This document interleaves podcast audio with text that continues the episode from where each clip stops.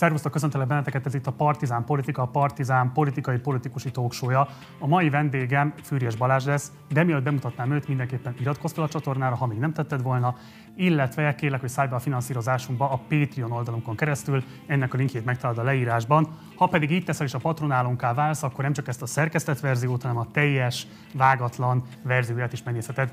Ennek az interjúnak, illetve a korábbi interjúknak is. Kezdünk!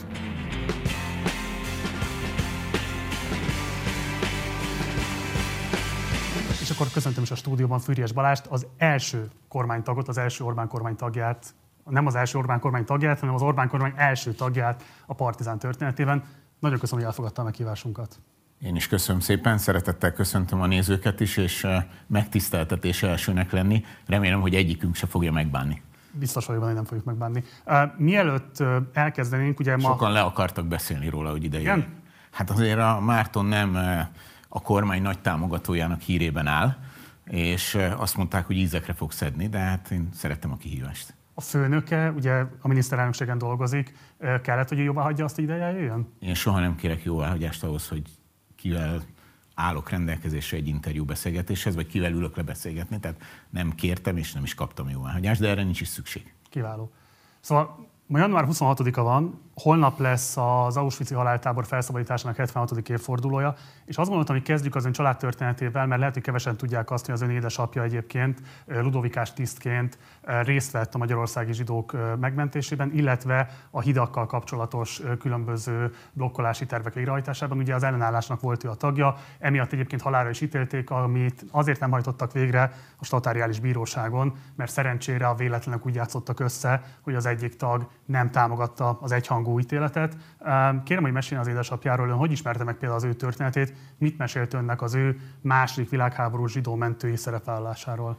Igen, hát azért ülhetek itt, mert valóban, amikor egy Radó nevezetű nyilas pribék, aki a Nemzeti Számon kérő széknek volt egy ilyen hírhet embere, ő tartóztatta le 44. november 11-én a Ludovika épületében, ahol ott abban az évben az utolsó ludovikás évfolyamon végzett, és valóban az édesapjával, tehát az én nagyapámmal szerveztek ők egy katonai ellenállási mozgalmat, és sajnos egy árulás következtében tartóztatták le. És... Egy társuk követte ezt el, vagy pontosan kicsoda? Hát ezt a mai napig nem tudni. Édesapámnak is voltak tippei, az erre vonatkozó tanulmányok némelyike, hát senki sem mer egyértelműen fogalmazni, mert nem egyértelműek a bizonyítékok, de, de van egy vélekedés, hogy kikövethette Eh, azt el. Én annyit tudok, hogy ezzel az emberrel édesapám egyetlen egyszer beszélt az én életemben, és egy négy-öt órás beszélgetés után jött haza nagyon feldúltan, tehát szerintem egyszer megpróbálták tisztázni a dolgot a, az életükben, és valóban egy statáriális tárgyalás volt azonnal ott, ahogy letartóztatták és elvitték a Ludovika épületéből, halálos ítélet született, de csak akkor hajtják nyit, eh, végre, hogyha egyhangú az ítélet, és mivel egyetlen egy hadbíró ellene szavazott, így nem ezért ülhetek én most itt. Sopron kőhid, a Margit körút volt ott minden utána. Hát rengeteget mesélt nekünk, nyilván nem kisgyerekkorunktól, de ahogy ugye enne, ebből az is következik, hogy én késői gyereke vagyok, tehát ő viszonylag hamar lett, én még egész fiatal voltam, amikor ő már nyugdíjas lett, és akkor nyilván több időt töltött otthon, és akkor az olyan 12-13 éves koromtól, van egy négy és fél évvel idős fiatalabb öcsém, meg neki egy első házasságából egy jóval idősebb nővérünk, ő Amerikában él.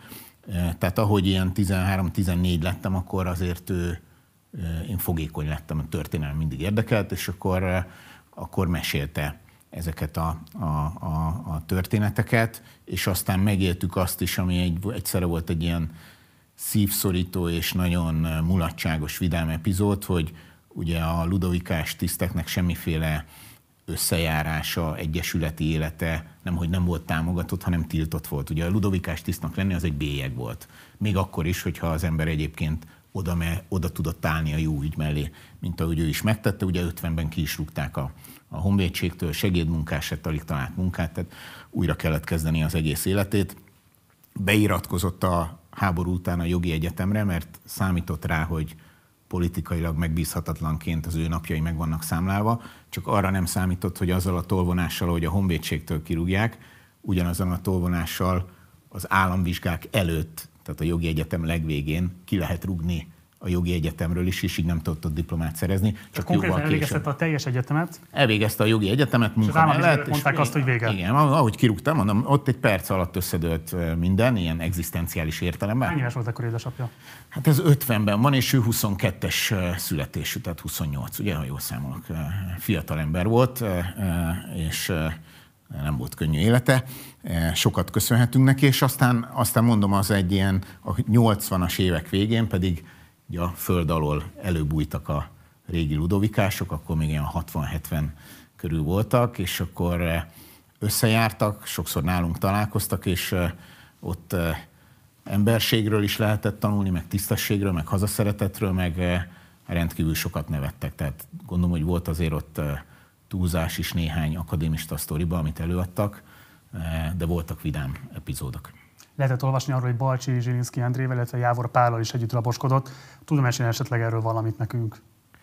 Hát egy epizód jut eszembe talán, hogy, hogy ilyen rabszállító furgonnal vitték le őket a Balcsi Zsilinszkivel együtt Sopron kőhidára. Először a Margit körúton raboskodtak, és, és fölajánlották ott a többiek, hogy, tehát a furgonban a rabok, hogy megpróbálnák megszöktetni Bajcsi Zsilinszkit, hogy ő tudjon menekülni, és tudja tovább szervezni az ellenállást, és ő pedig azt mondta nekik a furgonban, hogy nem, maradok, mert kell majd tanuknak lennie a háború után, hogy itt nem mindenki paktált le a nácikkal. És egyébként ez volt a, az eszenciája az ő, amit édesapám nevelésének, hogy megtanulta nyilván a saját bőrén is, hogy nácikkal, komcsikkal nincs paktum. Tehát ilyen demokratikus hazafias nevelést kaptunk tőle.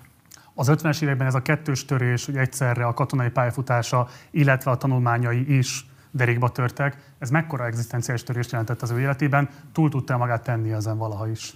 Hát túltenni túltettem, mert egy eh, egészséges eh, lelkületű ember volt, nem ez volt a legnagyobb próba, vagy nem is tudom, nem az első komoly próba volt az életében, mert öt hónapos volt, mikor az édesanyját elvesztette, tehát ő félárván nőtt föl, tehát tényleg nem volt könnyű élete, de egy nagyon jó kedélyű, szilárd tartású ember volt, volt neki hite is, ami segíti az embert a nehézségeken eh, átjutni. Egzisztenciálisan hát nem vitte sokra soha.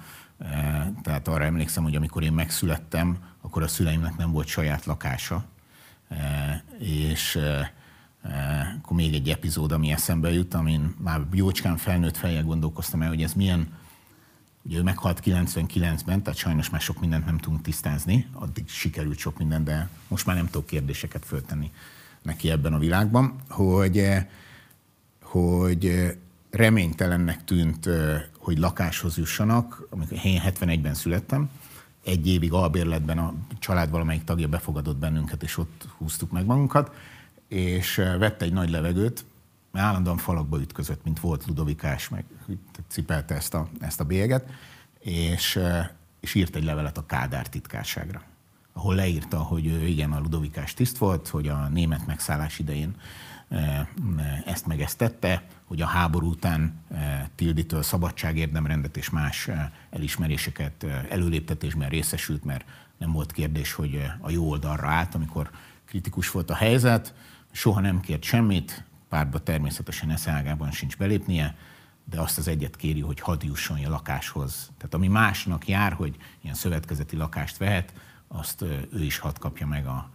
És akkor ezen azért sokat gondolkoztam felnőtt fejjel, hogy hát nyilván ő meg a Kádár rendszer az két összeegyeztethetetlen világ volt, és hogy a, a megszületett kisfia meg a családja érdekében nem mondom, ezt nem tartom egyáltalán megaláztatásnak, de hogy azért valószínűleg évekkel korábban ő se gondolt volna, hogy egyszer Kádár Jánosnak címezve ír egy levelet, és akkor hát ez is egy ilyen, nem is tudom milyen, minek minősítsem, tehát hogy Gyakoroltak méltányosságot fel? Hát ezt akarom mondani, hogy, hogy akkor ilyen kegyelem kenyérként egyébként ugyanazért a pénzért, mint mindenki más, egy másfél szobás eh, városszéli lakótelepi lakást eh, megvásárolhattak a szüleim, és akkor eh, mi éltünk egy lakótelepen tíz éves koromig, Rákosszentmihályom 16. kerületen a város szélén, nagyon sok jó gyerekkori élményem van, ilyen félig városi, félig falusi élet volt ott, és aztán átköltöztünk egy másik lakótelepre, eh, mikor az öcsém is megszületett nem sokkal azután, és akkor Rákospalotán éltem még. Ezek voltak a szülői családi évek, tehát én lakótelepi gyerek vagyok. Sokat köszönhetek ennek. 86-tól 90-ig járt Német László gimnáziumba, ahol 88-ban belépett a Fideszbe, és egyébként egy gimnazista csoportot is létrehozott. Hogyan került kapcsolatba velük, hogyan kap, kapott egyetlen hírt arról, hogy van egy ilyen új politikai generáció? Ja, nem ismerem eh, Márton a beszélgetés menetét, tehát a, a, hogy még egy családi szállat hadd hozzak ide, mert a, a, ahogy felnőttünk, eh, meg hogy miért léptem én be 88-ban, 16 évesen a Fideszbe, ebbe benne van. Most az apai szállat, köszönöm szépen, azt kiveséztük. A, a édesanyám még családjában, illetve az anyai nagyapám, meg édesanyám is tulajdonképpen 56-ban volt erősen érintett, de az is egy polgári középosztálybeli család, és nagyapám ott is politikailag megbízhatatlan, elvesztette az állását, és Balatonalmádiban tengették az életüket, és 56-ban a nagyapám, anyai nagyapám a Balatonalmádi forradalmi tanács elnöke lett, tehát Balatonalmádi népe őt választotta meg, és akkor 10, ez 56, akkor 16 éves volt édesanyám, ő 40-es születésű, és hát ő is elszenvedte a valamilyen mértékben a, a retorziókat, mert a Veszprémbe járt gimibe, és másodikos vagy harmadikos gimis volt, és amikor visszaállt a szocialista rend, és a szovjetek ugye elfoglalták újra Magyarországot, akkor volt egy iskolai ünnepség, ahol felhív, felhúzták a szovjet lobogót, és eljátszották a,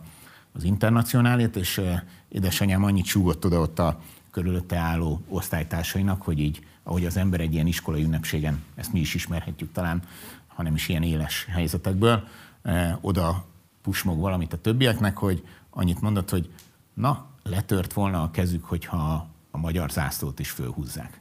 És a, az oszt, BMS osztálytársak befújták az iskola vezetésének, és akkor őt kitiltották az összes gimnáziumból Magyarországon, csak magántanulóként tudott érettségizni, de hát nagyapámnak ennél sokkal komolyabb baj lett, bebörtönözték, megverték a jeges Balatonba, amikor először tartóztatták le november-decemberben, akkor a jeges Balatonban állították be Kenesén, ahol volt egy ilyen gyűjtőtábor, és ott, ott vallatták. Tehát volt anyai ágon is egy eh, ilyen polgári nemzeti indítatása a családnak, tehát nem volt senki pártak, tehát a, ahogy én felnőttem, hát mondom, a történelem érdekelt, sok humán értelmiségi van a családban, tehát mi ezt szívtuk magunkba, hogy amiben élünk, az rossz.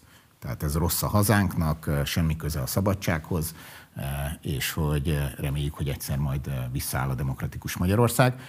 És a 80-as években apám el is kezdett hazahozni, ahogy ezek itt fölé lettek, szamizdatokat. És akkor azt néha én mondom, hogy én gimnazistaként, 14-15 évesként úgy belelapoztam, elolvastam, és akkor egyszer hazahozott egy olyan szamizdatot, lehet, hogy a beszélőnek volt egy száma, amiben volt egy kis tudósítás, hogy megalakult a Fidesz, leírta, hogy mi az, meg hogy történt a megalakulás, és volt három név, a Dajcsi meg a Kövéré biztos volt, egy harmadik is arra nem emlékszem, telefonszámmal, nyilván ezek városi vonalak, akit érdekel, az itt telefonáljon, érdeklődjön, és akkor be lehet lépni.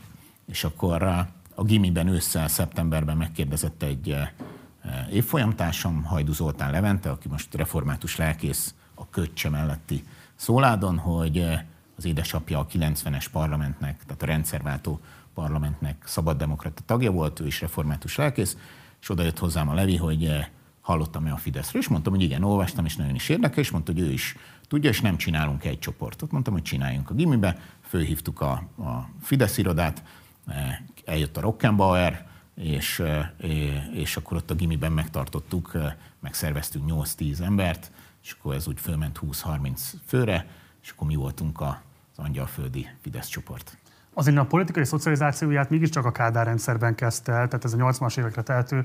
Honnan jött az ötlet arra, hogy a szabad politizálásban bármilyen szempontból is részt vegyen, pláne egy olyan családi háttérrel, amiben azért mégiscsak az az alapvető tanulság, hogy az, aki kiáll az elveért, az egzisztenciát veszt, súlyos retorziókkal néz szembe. Hogyan fogadta egyáltalán a család azt, hogy ő most hirtelen úgy döntött, hogy egy Fidesz nevű szervezetnek lesz majd a gimnáziumi csoportvezetője? Azon gondolkozom egy kicsit más, hogy egy, egyre inkább belemegyünk a beszélgetésbe, hogy az nagy baj lenne, ha tegeződnénk, mert egy kicsit gördülékenyebb. Én vagyok az idősebb. Megengeded, akkor szervusz. Igen, köszönöm szépen.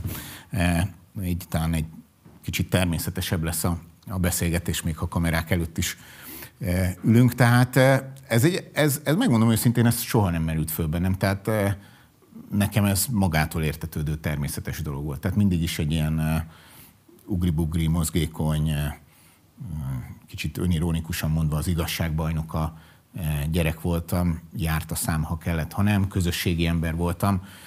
Otthonról meg én azt hoztam, hogy a közösségi ügyekben részt kell venni. És az, hogy a, tehát az igazság melletti kiállástól ne tántorítson el, ha az jár kockázattal. Tehát ha édesapám a német megszállás után kész volt a németek ellen katonai ellenállási mozgalmat szervezni, hát ez ahhoz sehol nem volt, tehát semmiféle veszély. Veszély nem volt, már ez is látszik a történelemből, tehát semmi bajunk nem lett. Még a nagy fideszeseknek se annak idején egy kis gumibotozás, meg egy kis kihallgatás. De az is igaz, hogy 16 évesen szerintem az embernek nincs is veszélyérzete. Tehát az, azért... az édesanyádat közben meg kirúgták a gimnáziumból, sőt kitiltották az összes gimnáziumból a nemzeti színű lobogó hiányolásáért, ehhez képest te pedig az egypártrendszerben egy demokratikus szervezetnek a szervezőjévé válsz. Tehát, hogy azért itt van egy kockázatvállalás, amit azt gondolom, hogy családilag hát, kellett, hogy érzékeny érintse az édesapadat. Ne állítsuk be ezt hőstetnek. Én akarom, tizen, csak mondom, tizen, hogy... 88-ban, 16 évesen egy gimnazista Fidesz csoportot csinálni, valószínűleg a budapesti gimnazisták kisebb része csinálta ezt, mint hogy éppen nem vett részt eh, valami ilyesmiben, de azért voltunk elegen, eh, aki, aki akkor volt ennyi idős, vagy egy kicsivel idősebb, tehát fiatal, azért szerintem mindenki be tud arról számolni, hogy valami elképesztő sodrása volt a szabadságnak. Tehát, hogy azóta is szoktam mondani, eh, most én idén leszek 50 fiatalabb embereknek, hogy, hogy ezt nagyon nehéz megérteni a mai politikai viszonyok közül az akkorit. Tehát, hogy nem lesz, nagyon bízom benne, hogy nem lesz ugyanolyan képlet már az én életemben Magyarországon, mert ez azt jelenti, hogy nagyon nagy baj van. És biztos lesznek, akik aktuál politikailag azt mondják, hogy dehogy nem most is ez a helyzet, de nyilván te ég és föld. Tehát, hogy akkor azért elképesztően fekete-fehér volt a világ. Tehát az egyik oldalon voltak a, a, a nemzet szabadságát sárba tipró e, e, e, emberek hulláján a hatalomba fölmászó rosszak, eh, akik tönkretették gazdaságilag az országot és elvettek tőlünk mindent, és a másik oldalon pedig voltak a demokratikus új erők, akik eh, függetlenséget, szabadságot, piacgazdaságot, demokráciát, szabad választásokat követeltek. Tehát nagyon egyszerű volt a képlet, és ennek a közösségnek, ami az elején ráadásul nagyon egységes volt, tehát itt MDF-es, SZDSZ-es, kisgazda, mindenki együtt. Tehát a legnagyobb élményeim ebből az időből azok a budapesti tüntetések tehát amikor mondjuk 89, már addig is voltak, de az, az egyik legnagyobb talán, amikor 89. március 15-én tényleg 100-120 ezer ember órákon keresztül együtt, elképesztően jó hangulatban, SZDSZ zászló, Fidesz zászló, MDF-es tulipán, minden együtt, énekelünk, rigmusokat kiabálunk, meghallgatjuk a szónokokat, és nagyon jól érezzük magunkat a verőfényes napsütésben, tehát ezek ilyen a gényeimbe ivódott emlékek, tehát nem, nem volt ez nekem kérdés, azért az a tippem rólad, bár nem nagyon ismerjük egymást, hogy azért te se lehetél egy könnyű kamasz, tehát hogy azért 16 évesen nekem nem nagyon lehetett már megmondani, hogy mit csináljak, meg mit ne csináljak, és nem is akartak ettől eltétani a szüleim. A tüntetések előtt volt, hogy lehetett rajtuk érezni, hogy egy kicsit mm. izgulnak, és akkor ez a vigyázz magadra, fiam, meg biztos nem lesz baj, és akkor én ezt ilyen hol kedélyesen, hol ingerültebb át, hogy tehát bennem az volt, hogy milyen maradiak vagytok, mi baj lehetne egyáltalán. E, és azért aztán utána, hogy az ember érik, meg, meg a történelmet talán még jobban megismeri, azért akkor, akkor idősebb feje megértettem, hogy az ő élményanyagukkal, az, hogy a utólag kiderült teljesen ártatlan szituációban, amit persze akkor nem lehetett tudni, de ugye itt mondjuk 88 után egy tüntetés, 88-ban még volt, ahol, ahol volt gunibutozás, de, de 88 március 15-e lehetett, vagy talán október az egyik utolsó, eh, de utána már nem volt. És nekem soha semmilyen eh, bántódásom nem esett, és a, és a mi gimnáziumunkban az iskolavezetés is nagyon nyitottan állt ehhez, tehát tényleg semmilyen kockázat nem volt. Utólag megértettem, hogy ők miért aggódtak a tüntetések napján, meg mikor jövök már haza. Ha nem jöttem, ugye mobiltelefon még nem volt, akkor mérgesek voltak, hogy miért nem szóltam haza, hogy később jövök, és hogy nincs semmi bajom. Ennyi, ennyi, ennyi volt. De egyébként örültek, eh, meg, eh, meg támogatták ezt. Ha már amikor, tanulás, amikor tanulás rovására ment, azt nézték nehéz szemmel. Ha már az iskolavezetés szóba hoztad, ugye nagyon érdekes életrajzi adalék, hogy 86-ban, amikor a gimnáziumot elkezdted, ott akkor szintén volt egy igazgatóváltás, és Hoffman Rózsa lett az intézménynek a vezetője. Azt mondod, hogy a vezetés támogatóan lépett föl az ilyen demokratikus kezdeményezésekkel szemben.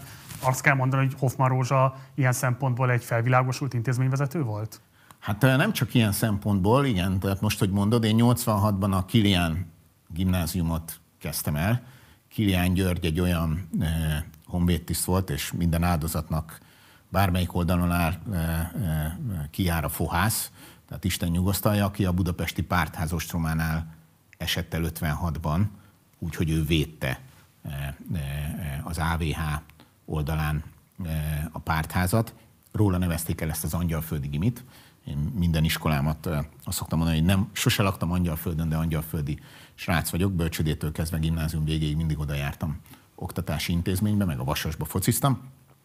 És én a Kiliánba kezdtem el, és német László be, belőle, mire leérettségiztem, és valóban, amikor mi elsősök voltunk, akkor kezdte meg a munkáját Hoffman Rózsa, és ezt vissza lehet nézni statisztikák akkor is, meg a mostani adatok alapján.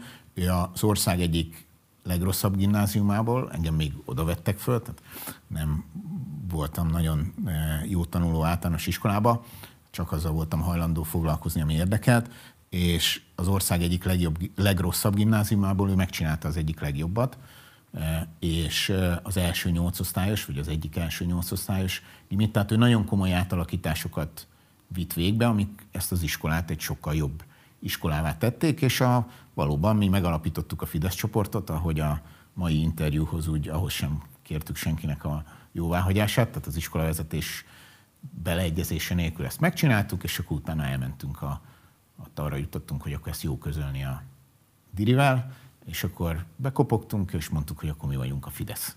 És megalakultunk, és akkor itt fogunk működni. Ugye a Szájernek volt annak idején az a mondása, hogy viselkedjünk úgy, mintha demokráciában élnénk. Ezzel is érvelt talán abban a perben, ahol a, a mintha, mintha komolyan, le, komolyan lehetne venni azt, ami az alkotmányban benne van. És, e, és akkor a Hoffman Rózsa azt mondta, hogy oké, okay, minden rendben, csináljuk, az a kérés, hogy a házi rendet tartsuk be, de egyébként amiben semmi... Semmi akadályt nem görített el. Nem, programok voltak, előadások voltak az iskolanapon. Volt olyan epizód, ez nem hozzáfűződik, eh, eh, kijelölt kapcsolattartása egy, eh, egy igazgató helyettest, és akkor emlékszem, a német László napok azok mindig valahogy tavasszal voltak, és akkor a Posgai bemondta 89 elején talán ezt a népfelkelést. Ugye meg a, a Fidesz mindig is azt mondta, hogy szabadságharc és forradalom, és azt gondoltuk, amikor ez a népfelkelés szöveg jött, hogy ez egy kicsit ugyan elkenése a dolgoknak, és akkor akartunk, meg is szerveztük, szerveztünk egy eh, előadást, hogy miért forradalom és szabadságharc volt 56 és nem népfelkelés, és akkor mondjuk a, egy ilyen, hogy mondjam, csak a, a rezsimhez lojálisabb tagja az iskolavezetésnek pedig szervezett egy alternatív előadást, és az egyik kiszes gyereket megkérte, hogy ő arról beszéljen, hogy miért népfelkelés volt 56. Tehát ennyi volt, úgyhogy eh, tényleg eh, semmi nehézségünk nem volt. És az valóban az meg érdekes volt, hogy sok évvel később Hoffman Rózsa is annak a politikai közösségnek lett a, a tagja, ami 88-ban Fidesz néven elindult. Ebben az időszakban, tehát 88-90 között te világnézetileg hova soroltad magad? Az akkori tudásod szerint? Nemzeti szabad elvű mondom. Ezt valószínűleg akkor sosem mondtam volna. Most, ahogy visszanézem, hogy akkor mit gondoltam, történelmem eseményei, mi érdekelt, e, milyen könyveket olvastam, ez a nemzeti szabadelvű. Milyen könyveket olvastál? Hát mondjuk például a, a felvételihez, érettségihez közeledve az egy nagy élményem volt, amit megint csak ugye előtte valószínűleg biztos meg lehetett szerezni, de, de nehezebb lett volna a, a Hóman Szegfűnek a magyar történet. E, és az szerintem zseniálisan veszi végig, ugye nem tudom, ismered ezt a könyvet, ez, ez ilyen öt elképesztően vastag kötet, de nagyon izgalmasan, nagyon sok dokumentum, a, mondjuk engem mindig a 19-20. század érdekelt a legjobban, és ott már nyilván parlamenti beszédek idézésével, dokumentumok szó szerinti behivatkozásával, tehát nagyon, nagyon, de nagyon történetmesélő módon meséli el a magyar történelmet, és most, hogy kérded, ebben az időszakban kerültek Hanvas Béla könyvei a kezembe, ami egy ilyen metafizikai érdeklődést. Én egy református családból jövök, ahol viszonylag erős volt ez a református szál, tehát ugye aktív hívők, hitéletet élő idősebb tagjai voltak a családnak, tehát engem ez akkor nagyon nem érintett meg, sőt, utáltam, hogy erőltetik, hogy menjek el konfirmálni, és ahogy azt a reformátusok ismerik ezt a kifejezést, úgy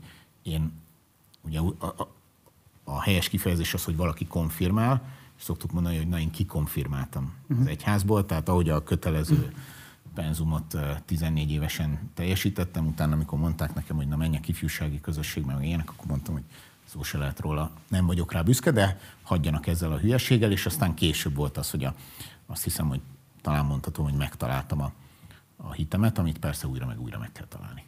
Alapítója voltál a Köz 90 ifjúsági szervezetnek, ami kvázi a Fidesz ifjúsági szervezeteként írható le, és emiatt bekerültél a választmányba is, talán legfiatalabb tagként. Milyen élményeid voltak akkoriban a Fidesz választmányáról? Ezért kifejezetten a 90-től 93-90-ig tartó időszak, amiről beszélünk most. Igen, ez 1990-ben a szóbeli, és nekem ez fontos, tehát nyilván emlékszik az ember az ilyenekre, a szóbeli és az írásbeli érettségi között. Tehát az írásbeli érettségi már megvolt, a szóbeli még előttem át, és akkor a Fidesz kongresszusa megválasztotta mai szóval elnökségbe, a, akkor választmánynak hívták, ami ma tulajdonképpen a e, vezető testülete volt, egy 13 fős elnöksége a Fidesznek, és valóban egyik pillanatra a másikra, nyilván ismertem egyiküket, másikukat, egészen másképp kell elképzelni az akkor a Fideszt, mint bármelyik politikai pártot ma még a Momentumhoz képest is nagyon, nagyon más volt. Tehát ez, egy, miben érhető tetten ez a hát másság? Ez egy mozgalom volt. Tehát, hogy e, e, nagyon aktív közösségi élet fiatal emberekből, tehát mondjuk jellemzően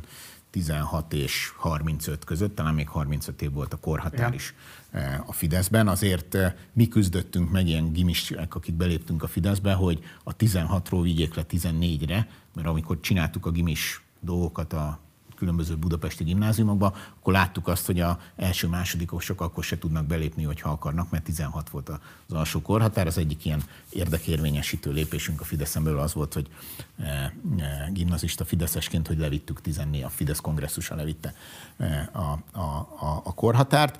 Azt tudom neked mondani, hogy rég jutottak már azok az idők eszembe, de az meghatározó volt. Tehát, hogy egy azért 18 éves ember, akit nyilván azért vagyok ott, mert érdekel a politika, érdekel a közélet, tehát nagyon nyitottan, tényleg akkor el, elképesztő sodrása volt a demokratikus átalakulásnak, ami zajlott, történt Magyarországon, és akkor egyszer csak beülni a Fidesz elnökségébe, amiben ott volt Orbán Viktor, Dajcs Tamás, Kövér László, mások, Fodor Gábor, eh, és, eh, és tanulni tőlük, és, és eh, részesévé válni annak a demokratikus diskurzusnak, ami a Fideszen belül, hogy akkor hogyan viszonyulunk az egyes dolgokhoz, hogy viselkedik, milyen célokat tűzünk ki, milyen kezdeményezéseket tesz a Fidesz. Tehát én rengeteget tanultam. Ez nagyon el is vitt olyan értelemben, hogy előtte a gimnázium utolsó két évben a tüntetések szervezése, a plakátolás és a kopogtató cédulagyűjtés ment a tanulás rovására, és nem vettek föl.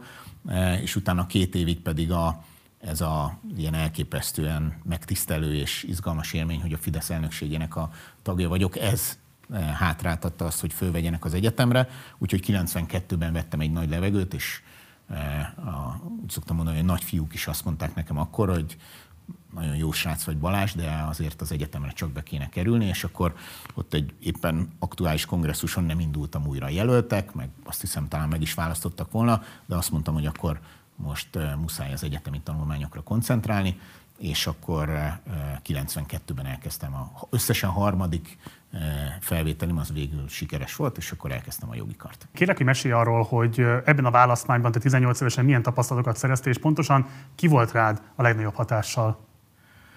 Akár végigmehetünk nevenként is. Hát tudok néhány embert mondani, de ne, ne, e, nyilván, és azt hiszem, hogy meg fogod érteni, te biztos, reméljük, hogy a nézők is, többségük, hogy ez nem szervilizmus, de nyilván a legnagyobb hatással Orbán Viktor volt. Tehát azért a, a Fidesz az az a politikai közösség, ahol nagyon az elején kiderült, hogy itt van egy nagyon meghatározó ember, aki stratégiai gondolkodásban, érvelésben, a politika kitalálásában és megvalósításában utca hosszal veri a többieket. És... Bocsáss meg, azt mondod, hogy ez nem egy utolagos olvasat, hanem neked akkor is már ezek voltak az első személyes benyomásaid. Hát ez teljesen egyértelmű volt, nem véletlenül lett ő a frakció vezetője ugye a Fideszben sokáig kollekt, sokáig, tehát 88-ban alakult a Fidesz, és 93-ig ilyen kollektív vezetés volt, tehát ez a választmánynak nevezett elnökség irányította a menet közben ifjúsági szervezetből pártá átalakuló szervezetnek a munkáját. Addig egyetlen egy ilyen első számú vezető volt, amíg kollektív vezetés volt, ez a parlamenti frakció vezetője 90-től, azt muszáj volt a házszabály értelmében megválasztani, és az a legelső pillanatban e, e, ott még talán volt, most nem vagyok biztos, de úgy emlékszem, hogy volt egy Orbán-Fodor szavazás, de, de nagyon egyértelműen Orbán Viktor nyerte azt meg, és ezért tényleg a, a, az ő volt a, a legmeghatározóbb. Aki régóta van a Fideszben, az annak, eh, annak eh, sokaknak meghatározó élménye, hogy sokszor olyan szituációkban is, amikor elsőre e, e, úgy tűnt, hogy mindenki Orbán ellen van, és érvelt, érvelt, érvelt, és többségévé tudta formálni az álláspontját, és mindig kiderült, hogy neki volt igaza. Akkor is, amikor az ember azt gondolta, hogy na jó, ez, ez, ez lehetetlen. Tudsz egy konkrét konfliktust? Úgy emlékszem, hogy a demokratikus kartánál is volt ilyen. Tehát, hogy ő volt az, aki a legélesebben meglátta, hogy itt valójában a, a, az MSP-SDS koalíció eh, előkészítése folyik, és eh, akármennyire eh, csinál kritizálható csúnya dolgot az MDF kormány, nem szabad összemosnunk a, a, az ellenzéket, mert nem lesz alternatíva, és, és nem lesz arra lehetőség, hogy az ellenzéken belül legyen egy polgári blokk, az SDS-ből, a Fideszből, a vállalkozók pártjából, hanem bizony itt egy MSZP-SDS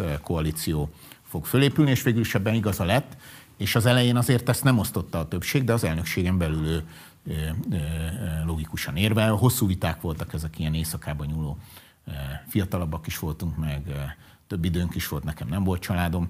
A, a, úgyhogy ezek nagyon izgalmas. Tehát a politikai szocializációm legizgalmasabb, nagyon sokat tanultam. Vagy amikor 90-ben a, a önkormányzati választás, és akkor az SZDSZ-el állapodott meg a Fidesz, és akkor annak a stratégiája, taktikájának az összerakása, hogy jött hozzánk Pető Iván Magyar Bálint tárgyalni, és hogy ott milyen késhegyig menő tárgyalásokat kell folytatni, miben kell megállapodni, és akkor volt az, hogy a, úgy döntött az elnökség, hogy a, az Orbán meg a Fodor mellett a Fűrjes legyen ott a tárgyaló delegációban, és nyilván ezek, ezek olyan tanuló lehetőségek voltak, amik, amik, amik én nagyon hálás vagyok. Fodor Gábor? Nekem a Gáborral a mai napig egy jó viszonyom van. Az egyetemen tanított is, ő egy ideig filozófiát tanított a, a, az egyetemen. Ő, hogy mondjam, csak tisztességesen és koherensen képviselt egy olyan gondolatot, ami tulajdonképpen az elejétől fogva kisebbségben volt a, a Fideszben, tehát ő egy nem véletlenül a liberális pártot alapította meg, ő egy liberális, és tulajdonképpen ő az SZDSZ-ben, mikor átment, akkor valójában hazatalált. Hát szerintem ez így, így, így minden profiltisztítás volt mindenhol. De miben? Tehát, hogy miért volt ez profiltisztítás, hiszen azért akkoriban a Fidesz is magát liberális értékelvűnékként határozta meg. E, igen, hát a Fidesz ugye a, is volt, volt valami hármas felosztás az elején, hogy alternatív, liberális is volt egy harmadik jelző, már nem is emlékszem rá. Tehát kétségtelen egy szabad elvű eh, eh, társaságként eh, indult, de aztán nyilván itt azért arról is szó van, hogy fiatal emberek felnőtté válása és politikai érése nagyon egybeesett, és szerintem a Fidesz megtalálta azt az identitását, ami, ami a sajátja, most már elég régen, liberális internacionáléból át is lépett az európai néppártba, és ahogy ez a profil tisztulás történt, úgy világos volt, hogy a Gábor, hogy ő úgy döntött, hogy neki akkor nincs helye ebben a közösségben. A nemzeti elköteleződés hiányzott a Fodor Gáborból, vagy mi az, ami hiányzott belőle? Hát egyszerűen ő sokkal inkább a, az SDS álláspontját osztotta bizonyos kérdésekben, különösen hiszen már nem is emlékszem, hogy minisztere volt ugye a honkormánynak. Tehát különösen éles volt ebben a kérdésben a, a különbség a demokratikus karta megítélése és az SZDSZ-szel való együttműködés. Nyilván az SZDSZ-szel egyre több tartalmi vitája lett a Fidesznek, de azért 90 még nagyon akartátok az együttműködést velük, tehát hogy ti közös kormányzásra készültetek még a korjabeli beszámolók 94-ig talán, ugye? Igen. Nem, hát ott volt, az egy, eh, ha úgy tetszik, eh, Fidesz kudarcnak is fölfogható, hogy igen, tehát a, a 94-es választásban az volt az választási sok előtt az volt az elképzelés, hogy legyen egy polgári blokk, mert az egyik legnagyobb veszélynek a kommunisták visszatérését tartottuk. E, és hogy, a, hogy az MDF leváltása, amit nagyjából mindenki látott, hogy meg fog történni, az ne járjon azzal, hogy a komcsik jönnek vissza. És hogy akkor az SDS, a Fidesz, a Vállalkozók Pártja, az Agrárszövetség, ha még emlékszel ilyesmire, e, ez volt a Fidesz törekvése, hogy legyen egy önálló polgári blokk, de ez nem járt sikerre. És akkor László? tudjuk, mi történt. Én... De, bocsánat, tehát róla a korabeli legendák úgy szólnak, hogy ő maga karcosan baloldali volt, nem is marxista, de mindenképpen egy erőteljes szociális elköteleződésű figura, aki ezt hangot is adott egyébként az elnökségen belül. Te tapasztaltál tőle ilyen megnyilvánulásokat? Én, én soha nem, tehát nem lehetetlen, hogy az emlékeim csalnak, vagy kiesett valami, de én nem mondanám soha azt a a kövérről, hogy baloldali vagy szociáldemokrata elképzelései lettek volna. Az, hogy ő benne, ugye mindenkiről, akiről beszélünk, az egész ország ismeri őket, és van egy kép, ami kialakult. Én szerintem a, a és főleg amit a, már bocsánat, a baloldali sajtó szeret sugalni a, a házelnökről, az a helyzet, nekem személyes élményeim is vannak elég régről, ő egy végtelen, talán a néppárti az a jó szó. Tehát ez is egy puritán egyszerű ember, semmiféle urizálás, luxus, korrupciónak a gyanúja föl nem merült vele kapcsolatban, soha a vagyonosodás, egyébként ilyen kérdések szóba. Még a legvérmesebb ellenfelei sem eh, vádolnák eh, ilyesmi. Tehát ő egy, egy a szó legjobb értelmében vett egyszerű ember, aki nagyon néppárti gondolkodású, és tényleg azt nézte mindig, hogy a, a, a, tehát sohasem az elit oldalán állt, és talán ma sem sorolná magát az elit tagjának, bár nyilván formálisan a Magyarország gyűlés elnöke az bizonyos osztály. Nehezen tagadható, hogy az elit tagja. Oda, oda tartozik, de ő lelkületét tekintve mindig is egy néppárti eh, ember volt, és a, nekem az is eh, eh, nagy, eh, tehát eh, meghatározó mindig az első élmény, a kövér a kövér, tehát mindenki tudta, hogy ki ő, és amikor én 90-ben az elnökség tagja lettem, akkor az elnökség tagjai között föl voltak osztva a megyék, mindenki felelős volt valamelyik megyei szervezettel való kapcsolattartásért, és én a, így a édesanyám családja okán a Veszprém megye közel áll a szívemhez, ma is lakik ott, e, a családunk egy része ott lakik, és ezért én kértem, hogy Veszprém megye legyek én, és ugye az a Kövér Lacinak a, az otthona, ugye ő pápai fiú, és akkor ő vitt el először bemutatni a megyei szervezeteknek. És akkor az fölültünk a vonatra, levonatoztunk, és akkor ahogy a szülei lakótelepi lakásán megaludtunk, és ott hogy befogadtak, meg végigbeszélgettük azt a két-három napot. E, én egy, nem csak egy hihetetlenül éleslátású és, és okos embert, hanem egy nagyon rendes embert, és nagyon kedves volt a nála sokkal fiatalabb zöldfülű kezdőhöz és nagyon emlékezetes nekem az a néhány nap. Térjük kicsit vissza a közhöz. Ne felejtsd el majd a... Nem, abszolút nem, mert azért térjünk vissza a közhöz. hogy mi lehet benne. Hamarosan kiderül. Tehát, hogy miért van szüksége a Fidesznek, ami eleve ugye egy generációs alapon szerveződő párt, ugye beszéltünk arról, hogy volt ez a 35 év alatti követelmény, hogy csak azok léphetnek be a pártba. Tehát miért volt szüksége neki egy kifejezetten ifjúsági szervezetre? Ez mennyiben a te adott esetben akár hatalmi megfontolásod volt, hogy ezzel biztosíts egy olyan pozíciót a számodra, ami ugye láttuk, hogy konkrétan egy választmány vagy elnökségi tagságot is ért. Igen, azért a köz azt hiszem 88-ban jött létre, és 90-ben lettem elnökségi tag, tehát az akkor föl sem erült, hogy e, mögött bárki számára ilyen platformot jelentsen. E, egyszerűen azt éreztük, hogy a, a gimnazista létből vannak hasonlóságok, és az egyetemistákhoz, meg a fiatal értelmiségi munkás emberekhez képest különbözőségek, és ezért egy networköt létrehoztunk a, a, a, a Fideszen belül. Arról beszéltem, hogy az én gimnáziumomban nagyon könnyű volt a, a létrehozni a gimnazista Fideszt.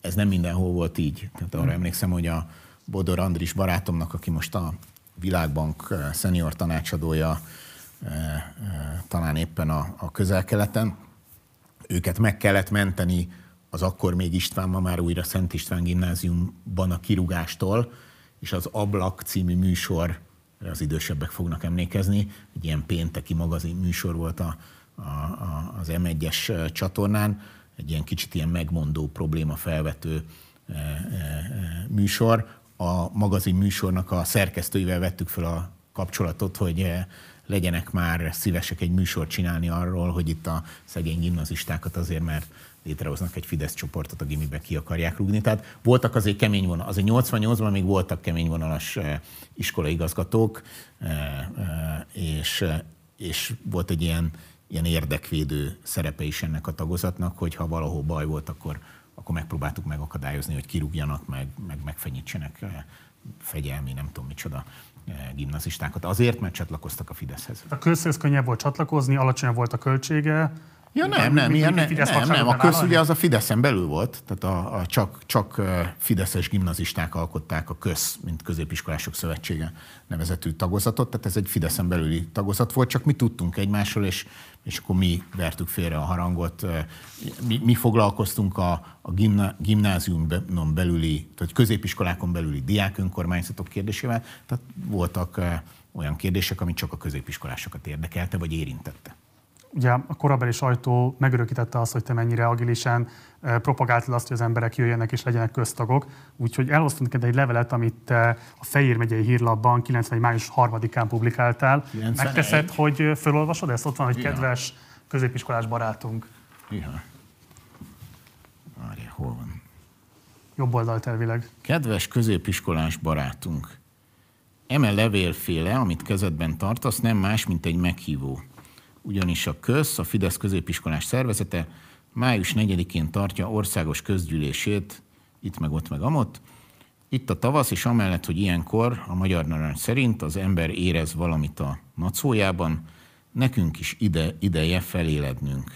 Bár mostanság sem voltunk teljesen tétetnek, hisz a közügyvivő csapata karöltve a választmány közös referensével megyéről megyére járja az országot, kicsit egyszerűsítek, és akkor itt van egy napirend, arról tanácskoztunk, vagy arra hívtuk, hogy tanácskozunk arról, hogy a közmúltja, a jelene, jövője, a közel egy éves munka értékelése, mi legyen, disputa a közjövőjéről, alapszabálymódosítás, ez mindig egy izgalmas kérdés volt. E, Dajs Tamás tisztelt meg bennünket azzal, hogy a e, Fidesz parlamenti képviselőjeként egy politikai elemzést adott, és az elmaradhatatlan egyebek és akkor erre szól ez a meghívó. Ugye ebben az időszakban a Fidesz őrült népszerű volt. Akkor vagyunk 90, 91. 91 május. Igen, igen, igen. Tehát őrült népszerű volt a fiatalok körében, tódultak száz számra a pártba, a párt közelére, és mostanra ugye azt lehet látni, a Fidesznek az egyik legnagyobb kihívása pont az, hogy hogyan tudja magát a 18-25 év közötti korosztály számára vonzóvá tenni. Számos próbálkozásról lehetett olvasni, amelyeknek a megítélése legalábbis vegyes, hanem éppen kudarcos. Mi történhetett szerinted a fidesz Most nem ez egy ilyen átfogóbb kérdés, de érdekelne a véleményed, amiatt elvesztette azt a sármiát, amivel elindult annak idején, és ami megkerülhetetlen tényezővé tette abban a korosztályban, aminek a figyelméért most hát vért verejtékezik, és nem jár a jelentős sikerekkel. Hát ha lehet vitatkozni is, akkor eh, két eh, kérdésben foglalt állítással vitatkoznék. Az egyik, hogy eh, ilyen vért verejtékezve próbálunk valamit, mert szerintem nincsenek ilyen görcsös, erőszakos kísérletek. Most neked vannak gyermekeid, ugye? Nekem három gyermekem van. Két nagy, egy 18, 18 és 20 éves, és egy lassan 8 hónapos. Talán nem veszed túl intim kérdésnek, de van bármelyikük is, aki nézi a Pesti tévét? Tévét nem néznek, ugye ez már az a generáció, aki nem nagyon néz eh, tévét. Bingo. Akkor miért egy kábel tévén keresztül próbáljátok megszólítani a gyerekeid generációját? Igen, igen, igen, de a Pesti tévéhez mi köze a Fidesznek? Ja, értem. Ha innen indulunk, akkor valóban jogos a vissza. Most az, hogy van jobboldali kormánypárti sajtó, ahogy a világon mindenhol, és van ellenzéki, és hogy a jobboldali egyik internetes portál, ugye a Pesti Srácok beindít egy, ha jól értem, a fiataloknak szóló, inkább fiatalos, könnyedebb tévécsatornát, ez, ez nem a Fidesz próbálkozása. Tehát, a, tehát én, én vitat... Hát azt lehet mondani, hogy a Holdudvar megpróbál nyilvánvalóan újabb és újabb az, az, az, hogy, az, hogy a, a ugye nem, pont itt egyébként a 18 éves fiamnak ígértem meg, hogy megnézem, hogy hogy is van ez a Churchilli mondás. Te emlékszel rá, hogyha az ember valahány évesen nem szocialista, akkor nincs szíve, ha nem liberális, és akkor valamilyen életkor fölött pedig, ha nem konzervatív, akkor nincs esze. Tehát, hogy Churchillnek tulajdonítanak egy ilyen, ilyen mondást. Tehát a konzervatív politikát azt mindig nehezebb tök érthetően a, a fiataloknak elmesélni, elmondani, úgyhogy ez befogadható legyen. Tehát az, hogy a, a konzervatív hátországban vannak kísérletek, social media, egyebek, hogy hogyan tudjuk a fiatalok számára befogadható platformokon elmondani a konzervatív politikai tartalmat. Ez szerintem a világon mindenhol így van. Ez az egyik állítás, amit úgy gondoltam, hogy talán vitatható. A másik pedig az, hogy azért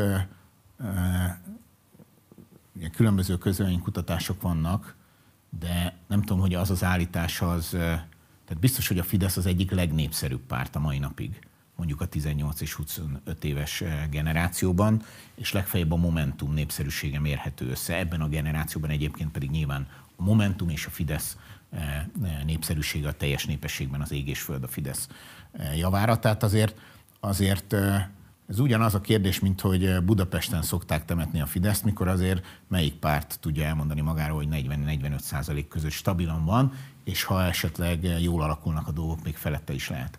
Tehát, hogy nézd, mondom, konzervatív pártoknak mindig kihívása az öröklázadó fiatalokkal párbeszédben lenni, szót érteni, ez viszont nem jelenti azt, hogy ne próbáljuk meg fogunk még erről beszélni. Menjünk vissza most a 90-es évek eléhez.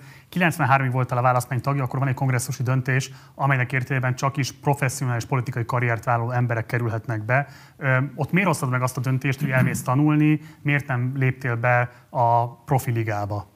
Hát először is a, most ugye ezen se gondolkoztam még, de a kérdéseidből így visszanézek, hogy nyilván ez fiatal emberként sokakkal megtörténik, hogy nekem ott egymás után nyúltak ki tulajdonképpen kapuk. Az első nagy kapu a világra az az volt, volt a sport is, az egy másfajta eh, dolog volt, ami egy nagyon jó közösségélményt adott, de a, a, a társadalom tudományos értelemben nyilván az első ilyen nagy kapu a Fidesz volt, 16 évesen, és akkor az eh, nagyon lendületesen vitt egy ideig, és mindig tudtam, hogy kell az egyetemi diploma, akkor nagy nehezen meg is ugrottam ezt a Gimibe sem voltam túl jó tanuló, csak a humántárgyakból. Tehát a pontok azok mindig nagyon kevesek voltak, amit vittem, akkor még egy más rendszer volt a fővételikre, és, és a jogi egyetemen kinyílt egy új kapu. Azt is én egyértelműen a, a Fideszben megélt szocializáció hatása volt, hogy én a jogra mentem. Én előtte magyar-angol szakra kész, készültem a, a bölcsész karra, még azt nem tudtam, hogy mi akarok lenni, de még ezt éreztem a, magamhoz legközelebb állónak, és, és amikor a főleg alkotmányjogi kérdésekben ezt a kristálytiszta jogi gondolkodással, levezetésekkel, alkotmányos kérdésekkel a Fideszben részt véve találkoztam, akkor azt éreztem, hogy hoppá, ez a logika. Én a jogról mindig azt mondom, hogy az egy gondolkodási forma, egy gondolkodási mód. Ez nagyon megérintett és beszippantott, és akkor eldöntöttem, hogy akkor én a jogon próbálkozom, és ez beigazolódott. Tehát én életemben először új élmény volt számomra, jó tanuló voltam, tehát ez sohasem volt rám jellemző, és a, a jogot nagyon élveztem, nagyon szerettem, és akkor én nagyon sokáig azt gondoltam, hogy eh, nagyon hamar kialakult bennem, hogy bár a büntetőjog is egy nagyon izgalmas terület, hogy én ez a, a, a nemzetközi magánjog, magánjog, polgári jog, eh, de az angol nyelvet az, az egyetlen nyelv, amit beszélek, de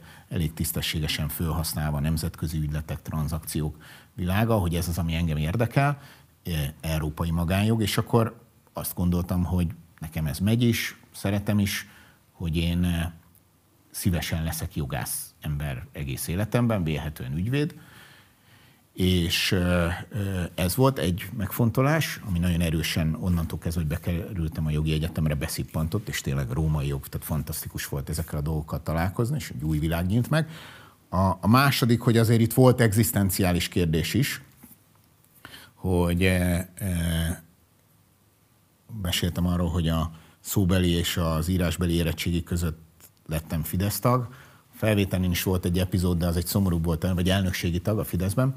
A, a, a, szóbeli, a sikeres szóbeli és írásbeli felvételi vizsgám között vesztettem el az édesanyámat 92-ben, tehát viszonylag fiatalon, és Ugye édesapám meg egy akkor már elég idős egykori ludovikás tiszt, tehát nem volt komoly nyugdíja, volt egy öcsém is, eh, úgyhogy nekem elég hamar munkába kellett állnom. és akkor kikötöttem egy budapesti nemzetközi ügyvédi irodánál. Részben azt is a Fidesznek köszönhetem, mert olyan ismerettségeken keresztül a néhai miniszterelnök Antal József fia vezetett kanadai ügyvédi irodával egy nemzetközi irodát Budapesten, és vele megismerkedve ott kezdtem el dolgozni, és szükség volt arra, a mi családunknak, ami akkor három főből állt, az édesapám, az öcsém meg én, szüksége volt arra a jövedelemre, amiért én már egyetemistaként is végig, majdnem végig dolgozva az egyetemet megkerestem. Ott volt egy nagy előnyöm, hogy az én a generációs előny volt, hogy mi már beszéltünk tisztességesen angolul, és az idősebb ügyvédek meg, bár a jogot nyilván sokkal jobban tudták, a legtöbbjük nem beszélt angolul. Uh-huh. És akkor idejöttek az észak-amerikai ügyvédek, és mindenféle nemzetközi ügyleteken dolgoztak, és számukra, ami nem furcsa helyzet volt, értékesebb volt a, az angolul jól beszélő fiatal egyetemista, vagy épp az egyetemet elvégzett jogász, mint az a tapasztalt magyar jogász, akivel nem értenek szót. És én a csontbrigádból vett kifejezéssel a rejtőtől ilyen beszélő szerszámok voltunk nekik, és a magyar jogi tartalmakat el tudtuk mondani nekik angolul és vice versa, ami azt is jelenti, hogy iszonyú sokat tudtunk fejlődni, tehát én akkor nagyon sokat tanultam a jogról, és én ezekben a helyzetekben jól éreztem magamat, és van egy harmadik megfontolás, hogy nem tudom, hogy ha ez az első kettő nélkül is ez kialakult volna bennem, de az nagyon világos volt, és azóta csak visszaigazolta el számomra az élet, az én személyes életemben, tehát ez nem recept mások számára, meg végképp nem minősítés, ítélkezés mások fölött, hogy az, hogy az embernek van egy polgári magánszektorban megtanult, megkeresett hivatása, ott bizonyított már és szerez élettapasztalatot, és csak utána megy át a politikában, én ennek nap mint nap, a mindennapi munkámban látom a, a, a hasznát, és azt gondoltam, hogy az ember először építsen föl egy, egy önálló életet, és tudjon, szerintem a legfontosabb a, a belső szabadság, hogy ezt a, ezt a belső szabadságát megőrizve, és sohasem egzisztenciális kényszerből pláne meg egzisztenciális okoktól vezérelve vegyen részt a politikában. Egészen lefordítva konkrétan, hogyha valami egyet nem értés van, akkor én holnap fogom tudni, vagy fogom tudni, a, hogy mondják ezt, a, tudni fogom... Venni a kabátod? Igen, a venni a kabátomat, vagy a kalapomat, és azt mondani, hogy köszönöm az eddigi uh-huh. éveket, gyönyörű munkáim voltak, irány a magánszektor. Visszaugorva a 93-as választmányi döntéshez, feltételezhetően azért rosszul hatott rád a befolyásszerzés elvesztése. Legalábbis elrenged következtetni egy húzásod a 94-es választás előtt, ami egy igazi népfrontos kezdeményezés volt. Ezzel kapcsolatban nézzük meg most egy bejátszót.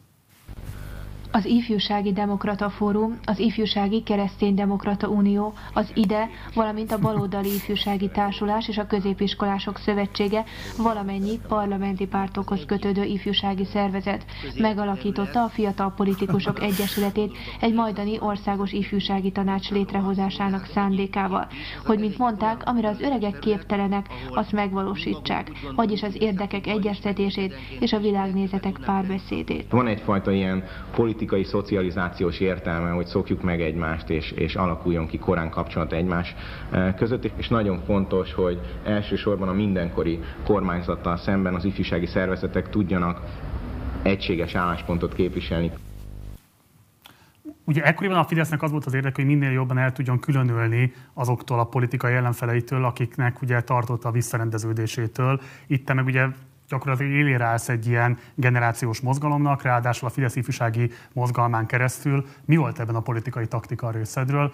Mennyiben találkozott ez a pártvezetés taktikai szándékaival? Hát eh, álmomban nem tudtam volna fölidézni ezt a sajtótájékoztatót, amit köszönöm szépen.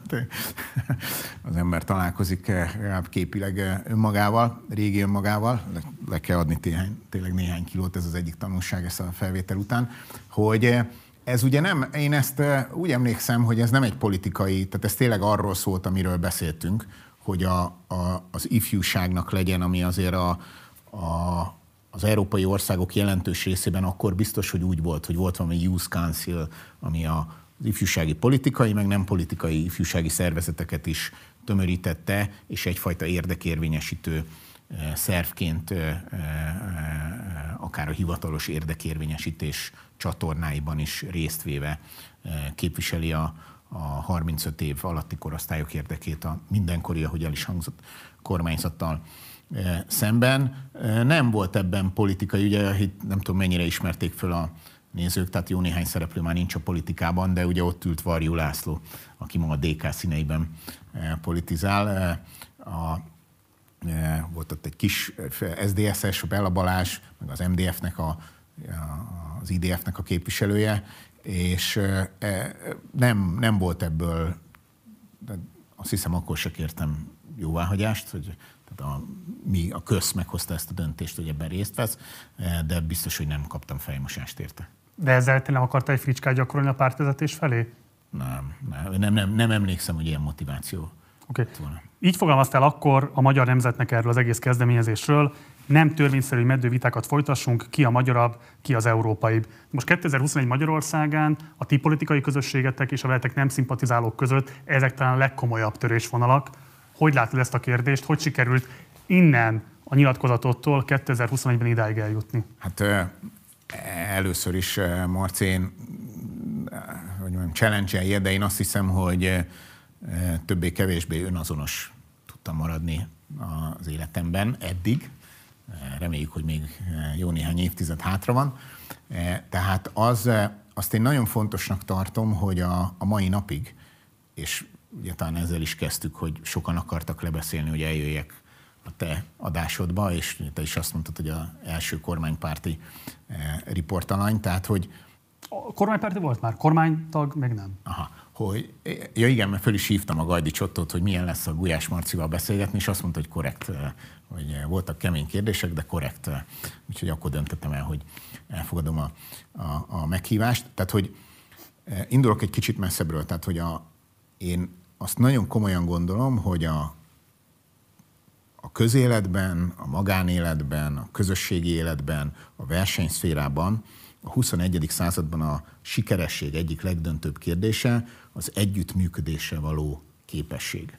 És hiszem azt, hogy azok a személyek lesznek hosszú távon e, és közösségek sikeresek, amelyek képesek csapatban focizni, képesek az együttműködésre, képesek a különböző, tőlük különböző szereplőkkel is együttműködést, párbeszédet e, e, kialakítani. Mondom ezt a versenyszférára, és mondom ezt a politik, meg a, szem, a személyes életünkben is azt gondolom, a boldoguláshoz ez kell. És az biztos, hogy én a, a, a polgári karakteréhez tartozom a, a Fidesznek, és a, a, a polgár az, az talán inkább városiasabb, e, urbánus, e, biztos, hogy e, igyekszik mértéktartó lenni, és a mindenféle szélsőségtől távol tartani. Magát, azért, mert belülről ez jön, tehát tőlem nagyon távol áll bármiféle szélsőség, és a polgári városi életnek sava borsa a lényege a párbeszéd. Ugye Budapest is egy ilyen kávéházi város, tehát szerintem az, hogy szóba álljunk egymással,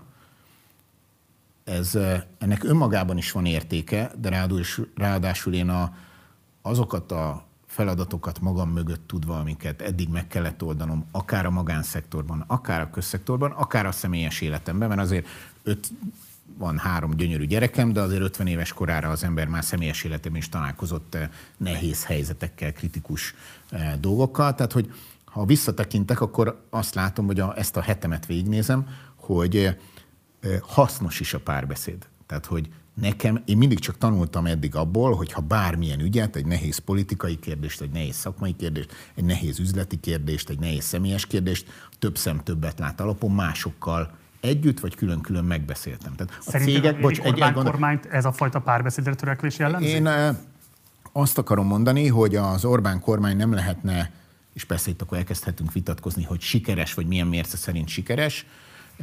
Én azt gondolom, hogy az Orbán kormány nem lehetne sikeres, és jó néhány szegmensben sikeres, és Magyarország sikeresebb, mint mondjuk 10-11 nehány évvel ezelőtt, hogyha nem lett volna képes sokszor a vitákat is vállalva, de végül is mindig az együttműködés mellett tenni le a voksát. Szokták azzal vádolni Orbán Viktort meg az Orbán kormányt, hogy EU ellenes, százszor elmondta már, hogy, hogy az Európai Unióban van Magyarországnak a helye, csak mi azt az utat követjük, hogy az nem egy szolgalelkű átvételét nyugati mintáknak, meg nagy nyugati tagállamok vezetői mondásának jelenti, és nem csak egy igazodást, meg egy igazodási kényszert, hanem például a, a Fidesz politikai, vagy Orbán Viktor politikai sikereinek egyik oka, hogy képes volt nagyon erős szövetségbe szervezni a közép-kelet-európai országokat, különösen a B4-et, de már ez sokkal több,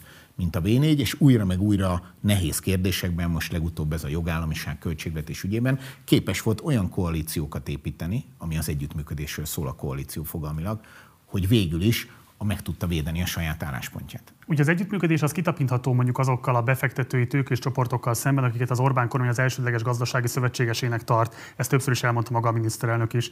Ezzel szemben viszont az látszik, hogy ez a fajta együttműködési attitűd például azokkal a társadalmi szervezetekkel, azokkal a megformálódó szakmai szervezetekkel, szakszervezetekkel, érdekvédelmi csoportokkal, akik akár melyik humán ágazatban, oktatás, egészségügy, szociális szféra és így tovább, évek óta próbálnak akár csak tárgyaló asztalhoz kerülni, ott ez az együttműködési hajlam nem kimutatható. Tehát mikor várhatjuk azt, hogy az, amit te elmondtál az előbbiekben, mint hitvallás, politikai krédót, az kiképes, képes lesz kiterjeszteni az Orbán kormány azokra a hazai magyar csoportokra is, akik nem feltétlenül tőkés érdekekből, nem feltétlenül gazdasági érdekekből, hanem a társadalom jól működése érdekéből mondják azt, hogy ilyen vagy olyan fejlesztéseket, változtatásokat szeretnének a saját szakterületükön látni.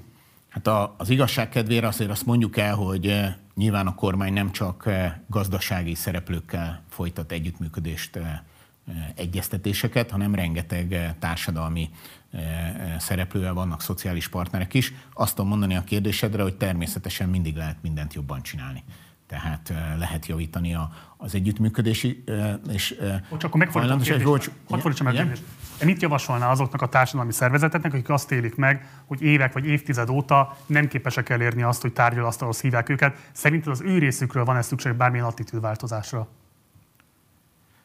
Hát nagyon ritkán fekete-fehér a, a világ, és ritkán van az a helyzet, hogy valaminek az elmaradásáért és kérdés persze, hogy az szükséges meg hasznos lenne, de hogy valaminek az elmaradásáért csak az egyik fél lenne hibáztatható, de én semmiképpen sem szeretnék. Tehát az, az nagyon rosszul néz neki, ha egy ilyen kormányzati pozícióból politikusként az ember eh, civileknek vagy társadalmi csoportoknak azt mondaná, hogy viselkedj így, viselkedj úgy. Én pont annak a... miniszterelnök azért ezt megteszi? Nem, szerintem ilyet ő se tesz. Én, a, én azt ugye a, a kerékpársávok ügye kapcsán mondtam el, hogy eh, a, a politikának nem feladata nevelni az embereket. Ugye a, azt éreztem egy kicsit, hogy eh, hogy egy ilyen politikai nevelési akció van a Városháza részéről a mögött, hogy eh, Budapest legforgalmasabb útján, ahol mondjuk békeidőben, tehát Covid nélkül munkanapon jár 60 ezer autós és 1000-1500 biciklis, szerintem egy elhibázott dolog volt, és ráadásul környezetpolitikailag is, eh, is a dugók fokozása,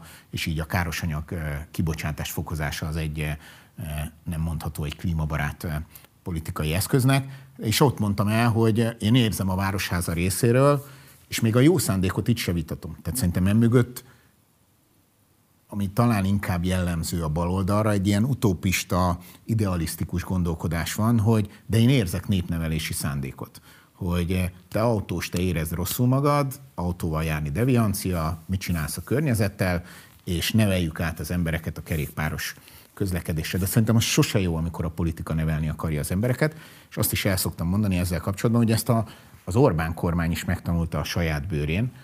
A, a vasárnapi boltzár az egy tudom, mert részese voltam, vagy tudtam, a, nem a döntés, nem mondtam részes, ez parlamenti döntés volt, de a diskurzust ismertem, hogy legyen egy nap, amikor az emberek inkább pihennek, családok együtt vannak, több tér a személyes föltöltődéssel közösségi együttlétekre, és egyébként a munkavállalóknak is egy biztos garantált pihenőnap a kereskedelmen e, dolgozóknak, és az ország meg nem akarta ezt, és azt mondta, a, megüzente ezerféle módon a politikának, a kormánynak, hogy ne döntsétek el, hogy mi hogy töltjük a vasárnapunkat, és ha vásárolni akarunk, akkor hadd vásároljunk, és be is látta az Orbán kormány, hogy ez egy eh, nem jó döntés, és visszavonta a parlamenti többség ugye a vasárnap. Azt hiszem, azt mindenki megszavazta talán a visszavonó eh, döntést, mert az ellenzéknek is egy követelése volt. Tehát szerintem a politika ne, ne nevelje az embereket. Te itt 23 évesen egy olyan népfrontos kezdeményezésnek ültél a közepén, amely kormánypárti és ellenzéki ifjúsági szervezeteket ültetett össze. Ehhez képest most ugye 2020-21-ben azt láttuk, hogy a Covid-válság, ami a rendszerváltás után mindenképpen a legkiterjedtebb egészségügyi, gazdasági, szociális válság együttes, hogy egyszer nem sikerült összehozni azt a magyar kormánynak, hogy a vele akár nem szimpatizáló, de együttműködni kész városvezetőkkel, politikai ellenfelekkel közösen üljön össze, és valamilyen módon a válságkezelésben tegyen akár gesztusokat is feléjük. A te attitűdöd megváltozott-e? Tehát te ezt kívánatosnak tartod, elfogadhatónak tartod, vagy pedig arról van szó, hogy annyira megváltozott a magyarországi politikai klíma, hogy az, ami 94-ben lehetséges volt, az 2021-ben lehetetlen?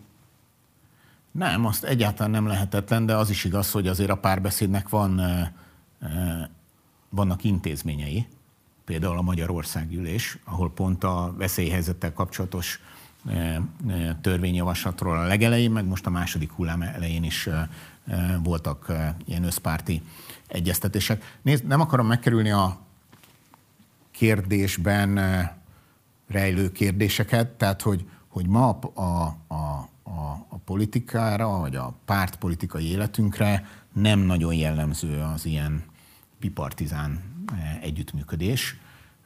És ezt... Szerinted kívánatos lenne egyébként? Nézd, az én, én Budapesttel foglalkozom, és nem is hiszem, hogy fogok valaha mással foglalkozni a, a politikában. Ez érdekel, talán ebben szereztem tapasztalatokat.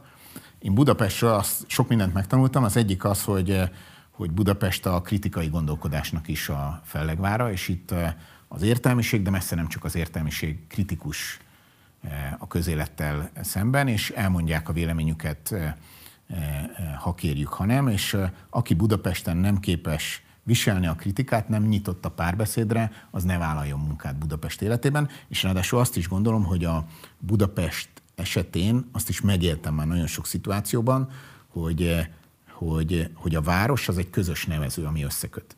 Tehát nekem vannak olyan, sok olyan ismerősöm van, akik valószínűleg egymással talán szóba sem állnának, de legalábbis nagyon mást gondolnak a világról, de szenvedélyesen szeretik Budapestet, és tudtuk már őket összehozni Budapestről és a város fejlesztéséről szóló eh, eh, párbeszédben, hogy igenis leüljenek egy asztalhoz. És én, én mondom, én alkatilag a, a, tehát azt hiszem, hogy általában a politikában és a politikusoknak jól jön az, hogyha ha, ha több a meghallgatás és az odafigyelés, nem csak egymásra, hanem az emberekre, az újságírókra, az értelmiségiekre. Hiszem azt, hogy amit eh, Jakab Apostol is a Szentírásban mondott, hogy legyünk gyorsak a hallásra és késedelmek a szólásra, ezt a politikában is érdemes eh, megfogadni. És ráadásul mondom, én haszonelvű alapon is ezt vallom, tehát hogy én mindig eh, nyertem abból, hogyha hozzám képest másképp gondolkodó,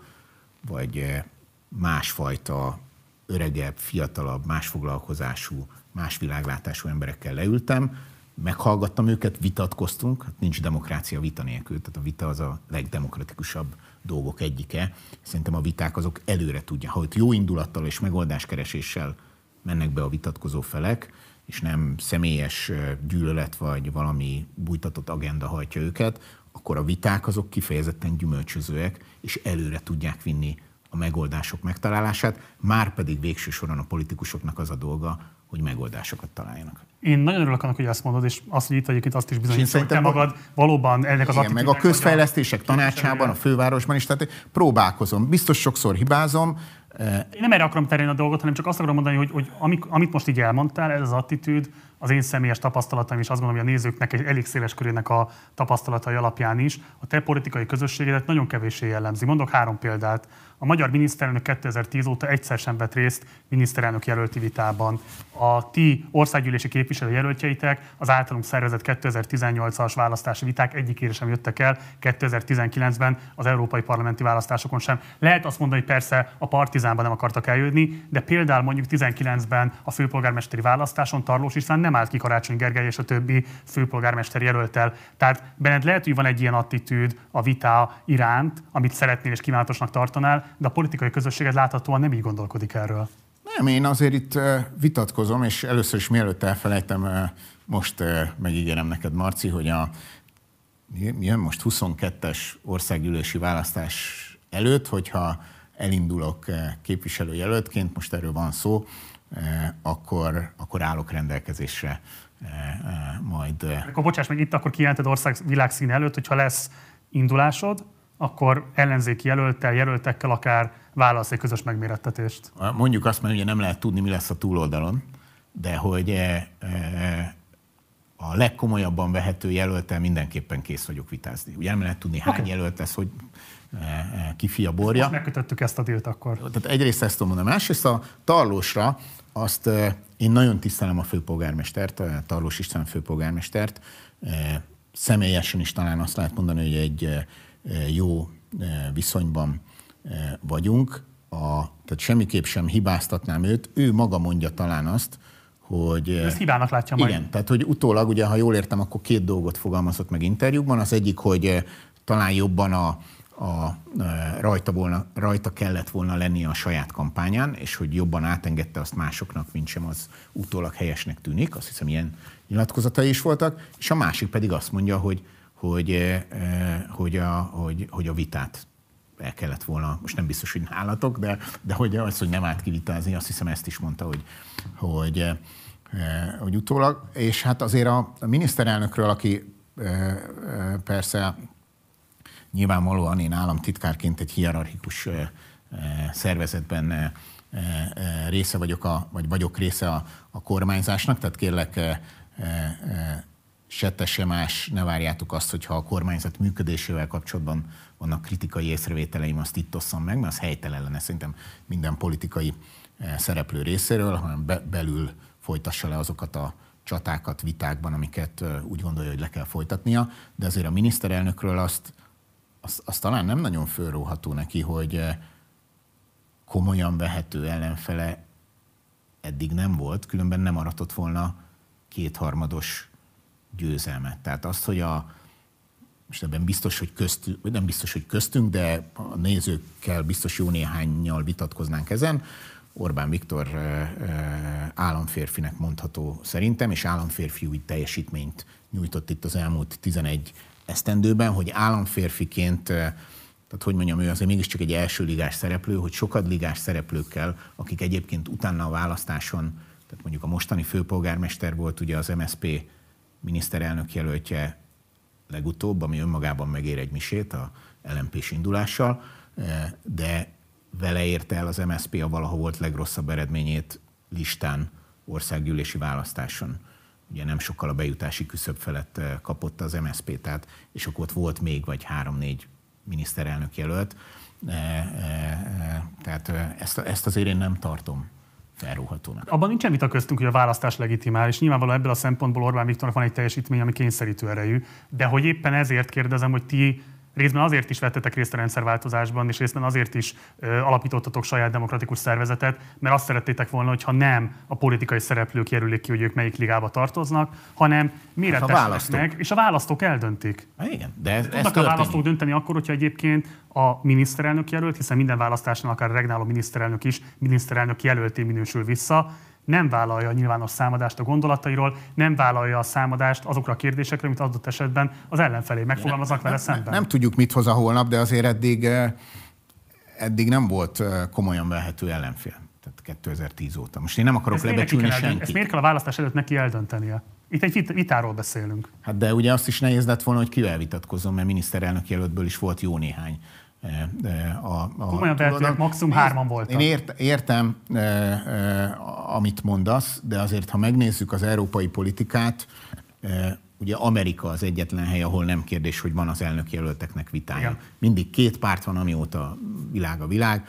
Azért az európai politikai kultúrában ez nem egy kőbevésett tény. Azt mondani, egyetlen olyan Európai Uniós tagállamot is, amelyben országgyűlési vagy nemzeti választások esetében nem tartottak miniszterelnök jelölti vitát, vagy köztársaság elnöki vitát? Hát nem készültem ilyen kérdéssel, de akkor inkább visszakérdezek, hogy szerinted a 27 EU-s tagállamból csak Magyarországon nincs? Azt biztosan állíthatom, hogy a régióban egyébként, amikor a vezető állami, tehát az állami vezető miniszterelnök, köztársasági elnök, tehát az elnök szeméről döntenek, én nem ismerek olyan európai, mondom még egyszer, régiós országot, ahol elmaradt volna ez a fajta vita lehet, hogy érdemes a jövőben elgondolkozni rajta, de én pusztán ebből a tényből nem vonnám le azt, hogy a Fidesz egy nem demokratikus elkötelezettségű párt. Az is igaz, hogy a régióban sehol nincs olyan politikai struktúra, amiben van egy eddig, ez biztos, hogy nem mindig lesz így, de hogy most az elmúlt három választáson ennyire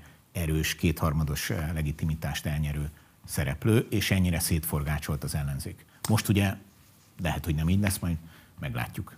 Jó. Orbán Viktor is vitázott korábban. Jó. Tehát a megalakuláskor, a Fidelitas megalakulásakor egy korabeli sajtóbeszámoló így szól, a Fidelitas nem érdekvédelmi szervezet, ezért a felsőoktatás mai rendszerét, a tandíjrendszer bevezetését nem csak szociális, hanem szakmai, gazdasági szempontból is elítéli. Füriás Balázs választmányi tag és Gyürk András elnök a sajtó tájékoztatón hangsúlyozta, szükség lenne a felsőoktatási intézmények közti átjáratóságra, a folyamatos szelekcióra, hiszen a felsőoktatás rendeltetése nem kizárólag az egyéni megélhetés, hanem a közösség számára is fontos gazdasági erőforrás megteremtése. Tehát itt ugye a bokros csomag után vagyunk, amikor ugye diákmozgalom alapul arra, hogy a tandíjat nevezessék be. Részben gondolom, hogy a köz is megpróbált ebből minél többet kapitalizálni, teljesen érthető okokból, és ti hangsúlyosan élesen kiáltatok a piacosítás ellen, a tandíjbevezetés ellen. Ennek fényében hogyan értékeled azt a kormánypolitikát, ami mondjuk például a MOMA esetében lezajlott, ugye ott a kampuszt azt, annak a felújítását, átalakítását te vezényelted le, ahol ugye egy erőteljes piacosítási folyamat indult most meg, magánkézbeadás, tehát pont ellentétes azzal a univerzitás etosszal, amit egyébként még ti magatok is kívánatosnak tartottatok Gyürk Andrással 96-ban. Hát itt megint vitatkoznom kell. A, én nem gondolnám, hogy az univerzitás etosszal a moménak a, az átalakítása, vagy az a közalapítványi átalakítás, ami a fenntartói struktúrát változtatja meg, és közalapítványok kezébe e, kerül az egyetemek működtetése. E, ez ellentétes lenne. Ezek ugyanúgy reménység szerint univerzitásként fognak működni, és nem lesz tandíj. Vagy lesznek olyan képzéseik, amiért tehát lehet fizetősen is bejutni, de nyilvánvalóan Magyarországon fönn kell tartani azt, hogy akik a, a tanulmányi teljesítményük alapján bejutnak, azok eh, nappali képzésen, eh, nyilván a bizonyos ponthatárok fölött eh, tandíjmentesen tudnak tanulni. Ez egy fontos kérdés volt a, a bokros csomag idején, és nem hiszem, hogy ehhez bárki vissza akarna térni, hogy tandíjat kelljen fizetni. Akkor viszont engem meg ide idézem Tilman Józsefet, az egyetem vállaltan katolikus művészetelméleti professzorának szintén egy írását. Ő úgy fogalmazott az átalakítással kapcsolatban, az egyetem mintegy ezer éve létező európai intézmény eredetétől fogva Universitas Magistrorum et Scholarium, tanárok és diákok közössége. Kezdetben egyházi, később állami, városi kormányzatok a fenntartói. Az egyetemek magánosítására, kiszervezésére semmi szükség nem volt, és nincs. Épp oly kevésé kellenek föléjük rendelt kuratóriumok, ahogy semmi szükség azok tagjaira, az üzemeltetésben vagy hatalmi harcban haladott figurákra. Az univerzitás, a tanítás és a kutatás helye. Tehát egy konzervatív, a hagyományokra épülő kritikus fogalmazta meg ezt ezzel az átalakítással szemben. Hogy beszéltünk róla, a demokráciának a vita az természetes velejárója, tehát hogy ugyanabban a kérdésben akár még eh, konzervatív oldalon is eh, többféle vélemény eh, létezik, meg liberális oldalon is, ezzel szerintem semmi gond nincs. Én nem tudtam, hogy erről beszélni fogunk, akkor nyilván hozhattam volna én is olyan konzervatív tekintélyes figuráktól idézetet, akik meg mellette érvelnek. Mondom, nagyon kevés közéleti kérdés van, amiben teljes az egyetértés nem csak Magyarországon, hanem bárhol a világban. Hogyha megnézem a, mondjuk pont a, azt hiszem ő volt is itt nálad, a Böszörményi Gergő, a, aki a MOME kuratóriumának az elnöke, ha megnézem ott a kuratórium összetételét, meg a terveiket a MOME működésére, azzal együtt, hogy azért most egy olyan területre viszel, ami nekem nem szakterületem az egyetemek működése, és nincs is velük dolgom. Két érintkezésem volt eddig, arról szívesen beszélek, hogy a Nemzeti Közszolgálati Egyetem Ludovika kampuszának a megtervezését és építését kellett összefognom, és a MOME kampuszt, amit pont úgy terveztünk meg egyébként, ilyen programot adtunk a tervezőknek, akik egy tervpályázaton lettek, egy anonim tervpályázaton kiválasztva, hogy rengeteg közösségi teret szervezzenek, és ha valaki elmegy a Ludovika kampuszra vagy a MOME kampuszra, ott pont azt fogja találni ezekben az új 21. generációs Magyarországi Egyetemi kampuszokon, hogy rengeteg olyan hely van, ahol tanárok, diákok, vagy csak diákok műhelymunkát, uh-huh. közösségi dolgokat csinálhatnak. Ugye a moménak lényege az, hogy, hogy nem csak animációs fénykép, digitális műhelyek, hangműhelyek, hanem hanem kézi munkára alkalmas műhelyek is legyenek, ahol textillel, agyaggal, fémmel, fával dolgoznak. Nyilván a Gergő is vállalja, Böszörményi Gergő, aki elnök ennek a kuratóriumnak, de én magam is készen állok, ha még a véleményem érdekes az, hogy néhány év múlva visszatekintsük arra, hogy a, a momén rossz dolgok történnek-e, vagy éppen jók. Én abba bízom, hogy, hogy a, az egyetem és a, a mindenkori egyetemi hallgatók javára válik az, ami a momén többek között a momén is történik. Mindenképpen vissza fogunk tényleg, de most térjünk vissza a Önmagában az, hogy ez az új kampusz megépült, Igen. és a magyar dizájnipar kapott egy ilyen zászlós hajót. Egy gondolatot, ha megengedsz, hogy, hogy azért tartom ezt nagyon fontosnak, mert a, e, ugye tényleg mi, az a gondolat van emögött, e, a MOME vadonatúj, és tényleg azt hiszem minden nemzetközi összehasonlítást kiálló kampuszának a létrehozatala mögött, ezt ugye két éve adtuk át, és én nagyon szerettem ezt a, a munkámat, egy hallatlanul izgalmas, kreatív alkotó munka volt a momésakkal közösen, hogy végül is mi sikeres Magyarországot szeretnénk, de a sikeres Magyarországhoz magyar sikerek kellenek, személyes és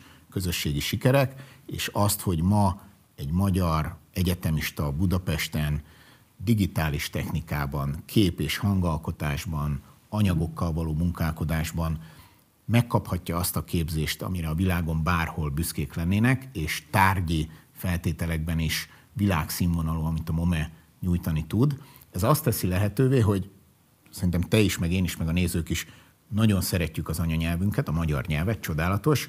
Ha magyarul beszélünk, vagy magyarul hoznak létre alkotók valamit, azt értjük 15 millióan, és nem érti 7,5 milliárd ha pedig a, a design, a képalkotás, a művészet, a tudomány, a sport egyetemes nyelvén fogalmazódik meg egy magyar teljesítmény, azt érti 7,5 milliárd ember, és ez szerintem a sikeres Magyarországhoz fontos. De térjünk vissza, Marci, itt leszek, ha, ha érdekes lesz és releváns. Egész biztosan 22-ben, 22-ben egy vitán, és ha utána még az én véleményem bármilyen szempontból érdekes, akkor nézzük meg néhány év után a momét tárva nyitva lesz a stúdióajtó előtted. Um, 90-es évekhez térjünk vissza, van egy személyes uh, sztori Gyürk Andrással, amit nem tudtunk elhelyezni időben, mikor történhetett.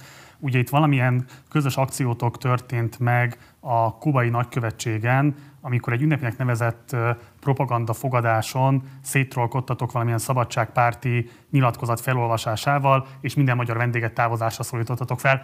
Ez mikor történt, és pontosan hogyan történt? Megfogtál, ez vagy 98, vagy 99, nem, talán még a 98-as választás előtt, tehát akkor 98-97. Még a Fidesz kormányra kerülése előtt? E, nem vagyok benne biztos, de akkörül vagy kicsivel előtte, vagy kicsivel utána. Mi a, mi a sztori?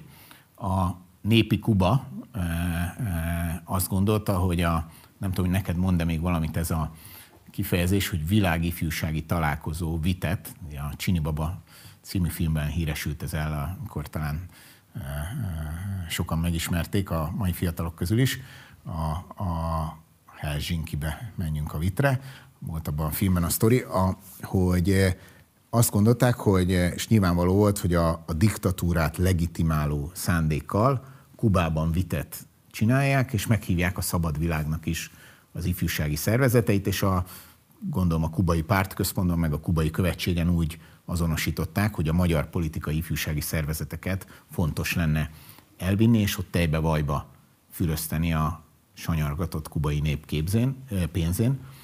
És minket megdöbbentett az Andrással, a Gyürkel, hogy, hogy ezt bekajálták a, nem akarok utólag bántani senkit, de az egy hagyján, hogy a baloldali ifjúsági szervezetek, de még a kisgazdáknak az ifjúsági szervezete is marhára ült, hogy akkor minket elreptetnek és vendégül látnak két hétig Kubában. Mi meg azt gondoltuk, hogy ez nem jó ötlet. A, nem tudom, mennyire van ez meg, azért a Fidesznek van egy erős a kubai átalakulással kapcsolatos szála, támogattunk ott kubai ellenzékieket, voltak a kubai ellenzéknél ilyen nem hivatalos látogatásokon fideszes politikusok régebben is.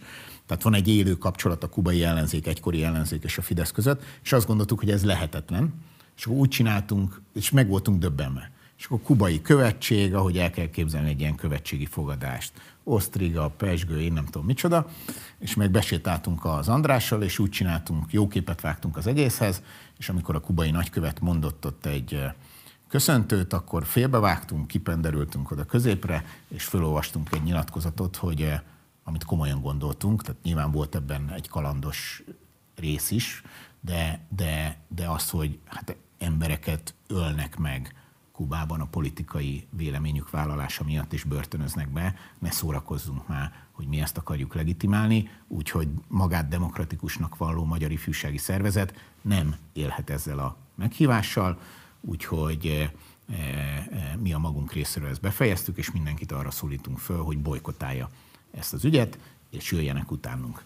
Nem nagyon volt más választásuk, nem örültek nekik, mert így egy eh, néhány embernek, meg szervezetnek egy ilyen kubai vakációját keresztül húztuk, de nyilván nem lehetett innentől kezdve ebben részt venni, úgyhogy úgy emlékszem, hogy azért mindenki jobb belátásra tért, és kivonultak velünk. Ebből nem lett diplomáciai botrány? Nem tudok róla, hogy a kormányzati szinten, mondom, tényleg nem emlékszem, hogy ez a e, éppen ki volt kormányom, vagy még éppen a Horrék, vagy már éppen az első Orbán kormány.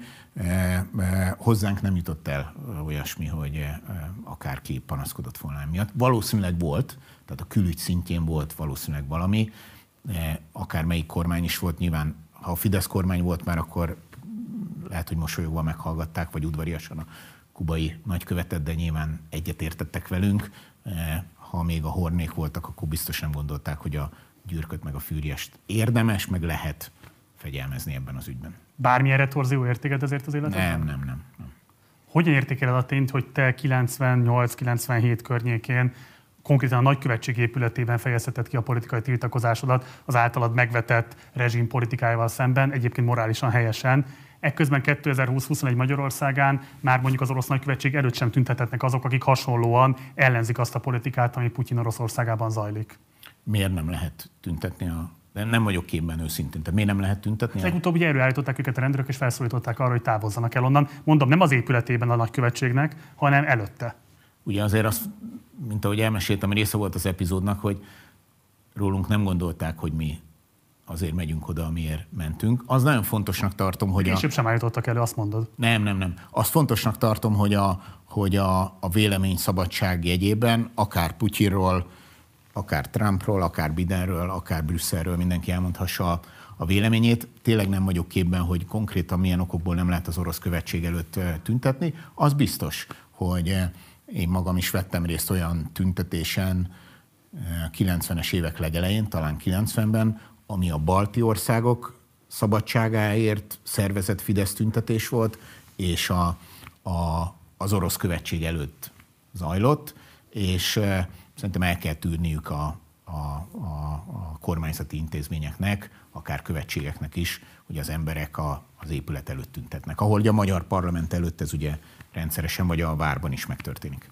De akkor azt helyesnek tartott, hogyha emberek erőszakmentesen kifejezhetik a politikai véleményüket, és helytelennek tartott, hogyha ezért rendőrségi atrocitás éri őket. Nem, nem ismerem a konkrét esetet, de egyébként az, amit... Elvel egyetértesz. De, de ezzel teljesen egyetértek, tehát az, hogy vélemény szabadság van, és e, nyilván nagyon szűk korlátok között, tehát olyan értelemben, hogy nagyon kevés az az eset, ami a vélemény szabadsággal szemben, mint érvel szembe állítható. Nyilván itt a szélsőséges gyűlöletbeszéd az egyetlen olyan dolog, ami elfogadható, hogy ott a, annak alapján a véleményszabadság korlátozható, egyébként a nincs demokrácia véleményszabadság nélkül és akkor tudsz szolidaritást vállalni azokkal a tüntetőkkel, akik például korábban akár Vladimir Putyin látogatásakor, akár Erdogan elnök látogatásakor egyébként semmi más nem csináltak, csak szerettek volna az elhaladó konvoj útvonalán egy transzparenst fölemelni, tehát semmilyen módon nem veszélyeztették sem a diplomáciai sikerét a találkozónak, sem a testi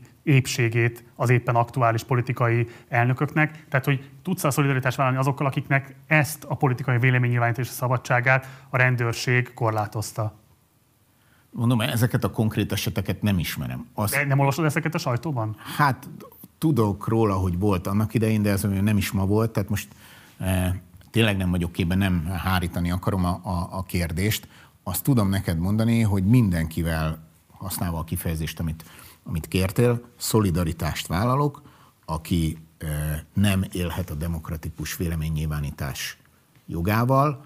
Itt azért ha jól értem, bizonyos helyen és helyzetben nem mondhatták el. Egyébként azért mindenki elmondhatta, hát az ilyen véleményekkel is teli volt a sajtó, hogy kinek mi a kritikus véleménye arról, hogy Putyin elnök vagy Erdogán idejön. Miért nem lehet tüntetni Orbán Viktor utcájában? Hát az helyes, hogyha ha senki, tehát a, ott egyrészt lakik a családja is, meg szomszédja is vannak, tehát az, hogyha a privát szférának egy bizonyos védelme van, az nyilván nem csak Orbán Viktort illeti meg, hanem Gyurcsány Ferencet is. Mondjuk arról az otthonról azért más megítélés alá is eshetne. Helyes, hogy nem lehet az ő otthona előtt is tűnt, sem tüntetni, és semmi egyetlen pártvezető otthona előtt közvetlenül, ahol a családjával él, és ahol mondom szomszédok is vannak. E, most így arra céloztam, hogy e, azért az egy olyan otthon, amit a, a, az elhurcolt zsidó családtól a kommunisták hogy elvették a nyilasok, és aztán a kommunisták államosították, vagy vették át a nyilasoktól, és térítésmentesen került a Dobrev család birtokába, tehát ott azért az megérne egy misét. A Karmelita Kolostor... Tudod, hogy miről beszélek? Ezt hát most mondtad el. A Karmelita Kolostor előtt, amikor mondjuk újságírók kérdést akarnak föltenni a kormányülésre érkező kormánytagoknak, és rendőrök viszik őket arrébb, taszigálják őket arrébb, hogy ne gyakorolják a szakmájukat, az például helytállónak tartod?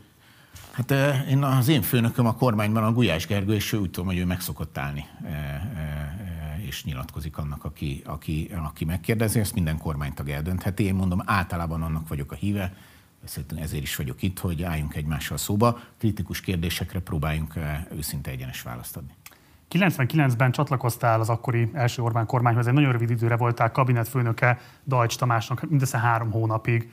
Miért ez a rövid szerepvállalás?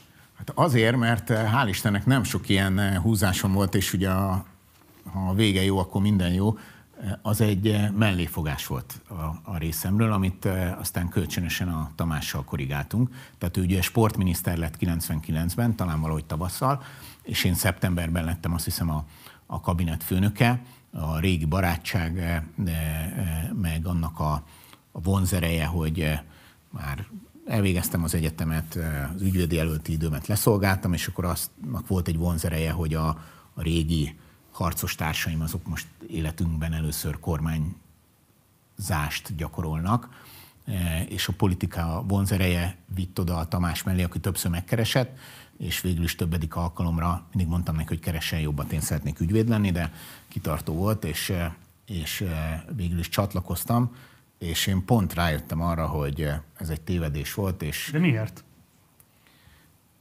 Az a munkakör, ha kritikusan, önkritikusan akarok fogalmazni, akkor talán nem volt bennem elég alázat. Dajcs Tamás személye? Nem, nem, a munka, a, a munka, a munka, a munka.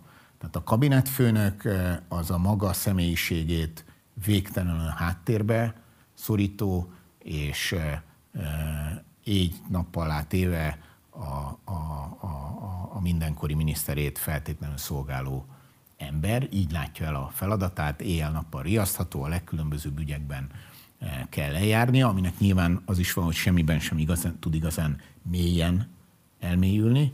Én bennem van igény arra is, hogy mélyen el tudjak valamiben merülni, meg arra is, hogy úgy eh, angol szokták ezt, hogy, hogy own, tehát hogy tulajdonoljam, vagy úgy, úgy, úgy az enyém legyen az az ügy, és, eh, és, eh, és tudjam irányítani, befolyásolni. Talán a, a, az elegendő szolgálatkészség nem volt bennem akkor, meg, meg sok azért az administratív eleme egy ilyen munkakörnek, ami... Hát azért a mostani pozíciódban sem lehet éppenséggel az kevés. A adminisztrációval, hál' Istennek, ilyen bürokratikus adminisztrációval keveset kell foglalkozom, de, de ott az történt, hogy eh, szeptemberben csatlakoztam, és a karácsonyi szünetben pont azon gondolkoztam, hogy eh, az a tisztességes, ha én januárban odállok a Tamás elé, és megmondom, hogy ez nem én vagyok, és eh, nem lelem örömemet a, ebben a, a munkában. Nagyon hálás vagyok neki, meg eh, segítem, ahogy tudom, de ezt, ezt a fajta együttműködést ezt fejezzük be. És akkor menet közben történt az, ugye december közepe felé, hogy leégett a, a Budapest sportcsarnok, és a kabinetfőnök az tényleg egy ilyen Jolly Joker, tehát hogy minden ügyben a miniszter, ha nem nincs jobb ötlete, vagy ő van kéznél, akkor riasztja. És ugye ez egy váratlan kihívás volt, tehát nem volt a leégett sportcsarnok újjáépítésért felelős ügyosztálya a minisztériumban, mert ugye ilyen esetekre nem készül senki, és akkor ilyen Jolly Jokerként engem küldött, hogy kezdjek el egy kicsit foglalkozni, egyeztetni azzal, hogy itt mi a csodát lehetne. És akkor azért nagyon első alkalom volt, hogy nagyon hasznos volt az én addigra olyan négy-öt éves, hat éves piacgazdaság vagy magánszektorbeli múltam, és az ügyvédi irodában korábban dolgoztam egy ingatlanos cégnél, és azért láttam ilyen nagyobb ingatlanos tranzakciókat, és úgy, úgy, úgy, úgy, úgy volt valami halvány fogalmam, tényleg halvány, hogy itt mit lehetne csinálni, meg az nagyon megdöbbentett, hogy minden tiszteletemmel a, a mindenkori idősebb mérnök, mérnök kollégák iránt, de hogy ez egy kicsit azért egy, egy mentális kérdés is volt, hogy a nyilván jöve abból a szocializmusból még csak 99-ben vagyunk, tehát azt láttam, hogy mindenki úgy nézi a romokat, meg mérecskéli, hogy most mekkora kárt szenvedtek az oszlopok, hogy hogy lehet ezt visszaépíteni. És én meg azt egy nagyon izgalmas lehetőségnek láttam, hogy a, a, a váratlan tragédiát azt tekintsük lehetőségnek, lehetőségnek arra, hogy megszülessen az első 21. századi középület Budapesten, és, és, és azt a régi Leningrádi licencet azt felejtsük el, és takarítsuk el teljesen a földről, és jöjjön létre egy sokkal jobb kortárs 21. századi épület, és akkor akkor megbeszéltük ezt a, a, a, ott januárban néhány héttel a, a tűzeset után, hogy én sokkal szívesebben vállalom ezt a feladatot, mint sem a kabinetfőnökséget, és lett jobb, nálamnál jobb kabinetfőnök, és akkor én megkaptam az első ilyen nagyobb városépítő munkámat. Tehát akkor szó sem volt arról, hogy Dajcs Tamással összeférhetetlen lett volna a munkavégzés? Nem, a mai napig jó barátságban vagyunk, nem. És sokat, sokat köszönhetek neki. Ez a feladat is, hogy azt rám bízta, az az ő döntése volt. Abból a feladatból én rengeteget tanultam. Ugye a 2002-es kormányváltás után még egy darabig maradsz az MSZP-SZDSZ kormányzat megbízásából is, de igazából átigazolsz az ingatlan piacra, és a Wallisnál kezdesz el dolgozni, pontosabban a Wallis ingatlanos vállalatánál. Milyen emlékeid vannak erről az időszakról, illetve találkoztál-e, voltál-e munkakapcsolatban Bajnai Gordonnal, Oszkó Péterrel akár? Bajnai Gordonnal munkakapcsolatban is, sőt korábban is a, a Gordont még az ifjúsági közéletből ismerem, ő neki volt ilyen volt egy MISZOT nevezetű Magyarországi Ifjúsági Szervezetek Tanácsa, amiben ő, ő aktív volt, tehát már évek óta ismertem, és volt egy másik eh, kezdeményezés vagy feladatom is az első Orbán kormány idején, tehát a, nagyon fiatalok kedvéért, tehát ott az volt a munkám, hogy a, a leégett Budapest sportcsarnok helyet fölépíteni, akkor még nem tudtuk, hogy mit, először kitalálni, hogy mi legyen, és aztán amikor kitaláltuk, akkor ezt a Kavicsnak nevezett Paplászló Budapest sportarénát eh, fölépíteni ami egy nagyon szép munka volt, és mondom, rengeteget tanultam róla, vagy több belőle városépítésről, Budapestről, nagyobb ügyek összefogásáról. És, és, de volt még egy feladatom, mert az első alkalommal hosszú idő után, egészen évtizedek után, hogy Magyarország gondolkozott azon, hogy olimpiát rendezzen, az 2001-ben született meg ez a gondolat, hogy vizsgáljuk meg, hogy pályázon-e Budapest a 2012-es olimpiára, és azt is a, a BS építése mellett azt is én kaptam meg, hogy csak azt nagyon korai fázisban derékbe tort a 22-es, vagy a 2002-es választás, és ott ilyen megvalósíthatósági tanulmányig jutottunk el, és ott volt egy kör, azt nagyon érdem most, hogy Bajnai Gordonra rákérdezte, ott volt egy kör, akik, a, a, akik egy ilyen civil gazdasági szereplők, akik nyíltan kiálltak a budapesti olimpia gondolata mellett, és próbáltak egy konszenzust építeni, és a, az Orbán kormány budapesti olimpia terve mellett ebben a körben az egyik főszereplő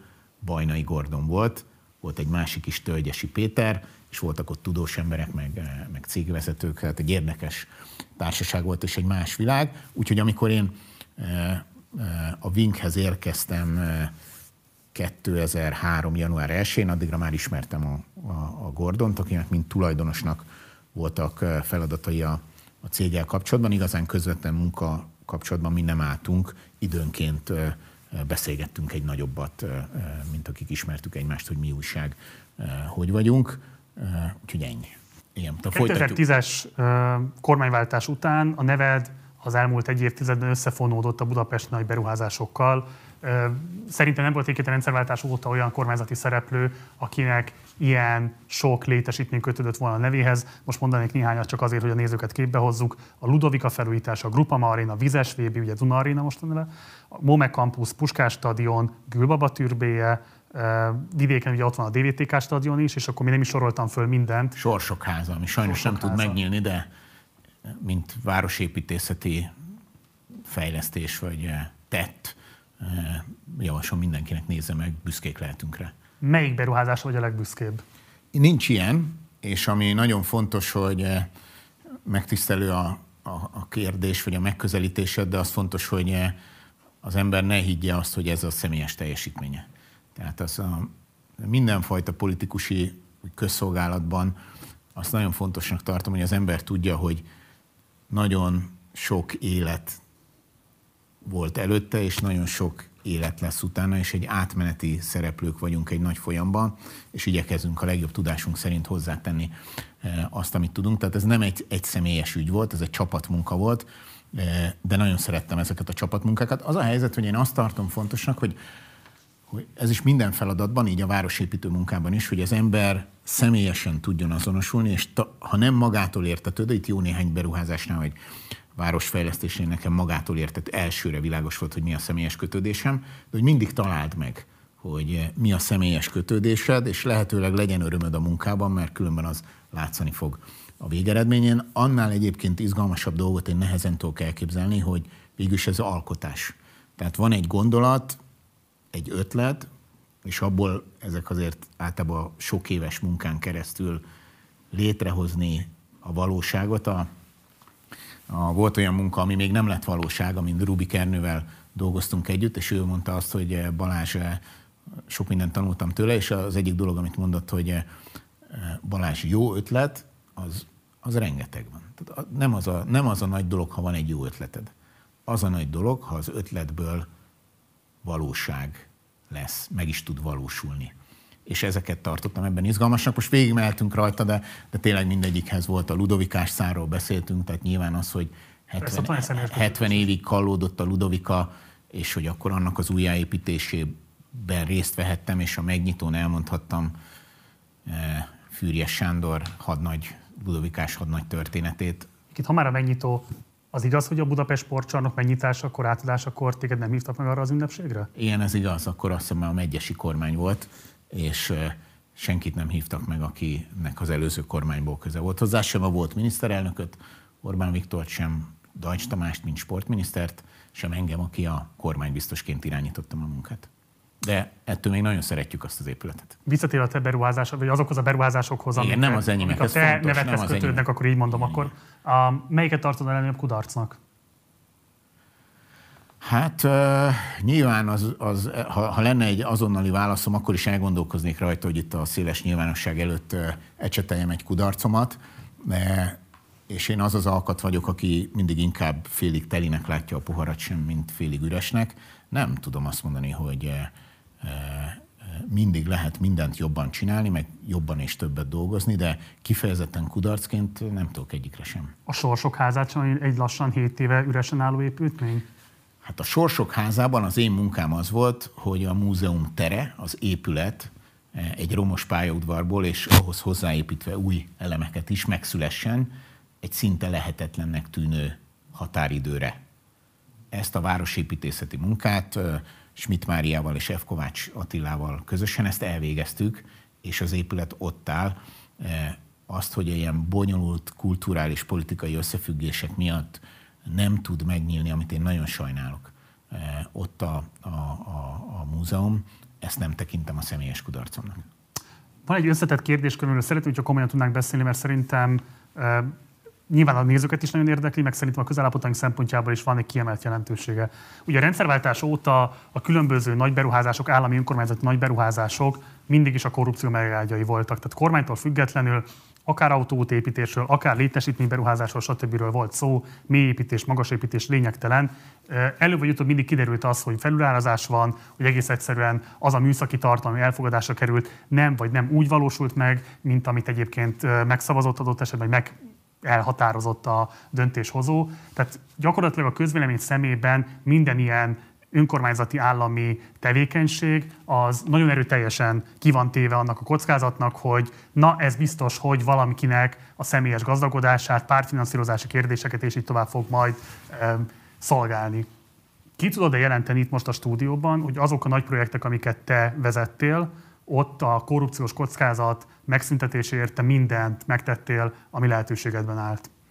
Hát ennél talán többet is eh, ki tudok jelenteni, és természetesen ember vagyok, és tévedhetek, de a legjobb tudomásom szerint semmilyen korrupciós Többnyire kísérlet sem volt, de hogy, eh, hogy korrupció nem volt, én ezt tudom kijelenteni. Eh, és hogy ezért, igen, azt hiszem, hogy ezt nyugodtan el lehet mondani, hogy megtettünk. Mit tehet az ember ezért? Három dolgot tehet. Az egyik, hogy, hogy soha életemben nem környékeztek meg olyasmivel, ami korrupciónak tűnt, hála jó Istennek. Talán tudható rólam, vagy, vagy azt gondolják, hogy ez eredménytelen kísérlet lenne. A, a kudarcokról kérdeztél, azért arra egy kicsit megbüszke vagyok, hogy a kormánya megint csak nem nagy barátságot ápoló Szili Laci a 444-ből írta le egyszer, amikor egy ilyen hasonlóan egy ilyen összefogó cikket, írást között rólam, hogy és az egyik kevés Fidesz politikusok egyike, akivel a korrupció eh, akivel kapcsolatban föl sem merül, és remélem, hogy ez mindig is így lesz, nem vesztem el a józan eszemet. Három... Értesz ezzel az értékítélettel, hogy kevesek közé tartozol ezzel a Fideszben? E, igen, csak ez nem jelenti azt, hogy korruptak lennének azok, akikkel kapcsolatban pedig a sajtóban ez fölmerül. Uh-huh. A, a, három fajta dolgot lehet tenni. Az egyik, hogy mondom, korrupciós kísértésnek nem kellett ellenállnom, eh, soha, eh, és eh, de azért olyan, hogy megkeresett valaki valamilyen ötlettel, amit a maga szempontjából kreatívnak gondolt, ilyen volt, és akkor ilyenkor a, a, ravaszabbak azok szoktak dobálózni nevekkel. És akkor mondják, hogy megbeszéltem a Gergővel, a Viktorral, a Tónival, az Istvánnal, nem tudom kivel, és mindenkit meghallgattuk, és elmondom, hogy igen, természetesen. Mert persze mindig ezt úgy adják elő, hogy ez milyen jó lenne a köznek, ha ez, a, ez az ötlet, vagy ez a projekt megvalósul. És mindig azt mondom, hogy nagyon remek, nagyon, van egy első alkalommal a BS-nél kifejlesztett trükköm, eddig mindig bevált, hogy azt mondom nekik, hogy nagyon jó, teljesen egyetértek, ez tényleg tök jó lenne, csináljuk meg. Egyetlen egy kérésem van, hogy én most nem háborgatnám ezzel a a Viktort, a Tónit, a Gergőt, az Istvánt, hogy szólj már nekik, hogy akkor, ha így megbeszélted velük, hogy ők is szóljanak nekem, jó? Csak egy telefon, hogy akkor ezt tényleg így kell csinálni. Soha életemben ebből nem lett következő lépés, tehát eh, nem kellett ezeket a szálakat eh, továbbvinni. A másik, amit egy közbeszerzésnél lehet, hogy én a, a talán a Ludovikánál volt olyan szelet, ami ilyen nemzetbiztonsági beszerzés volt, de egyébként a, amiket felsoroltál, ott mindig arra törekedtem, és emlékeim szerint ez meg is valósult,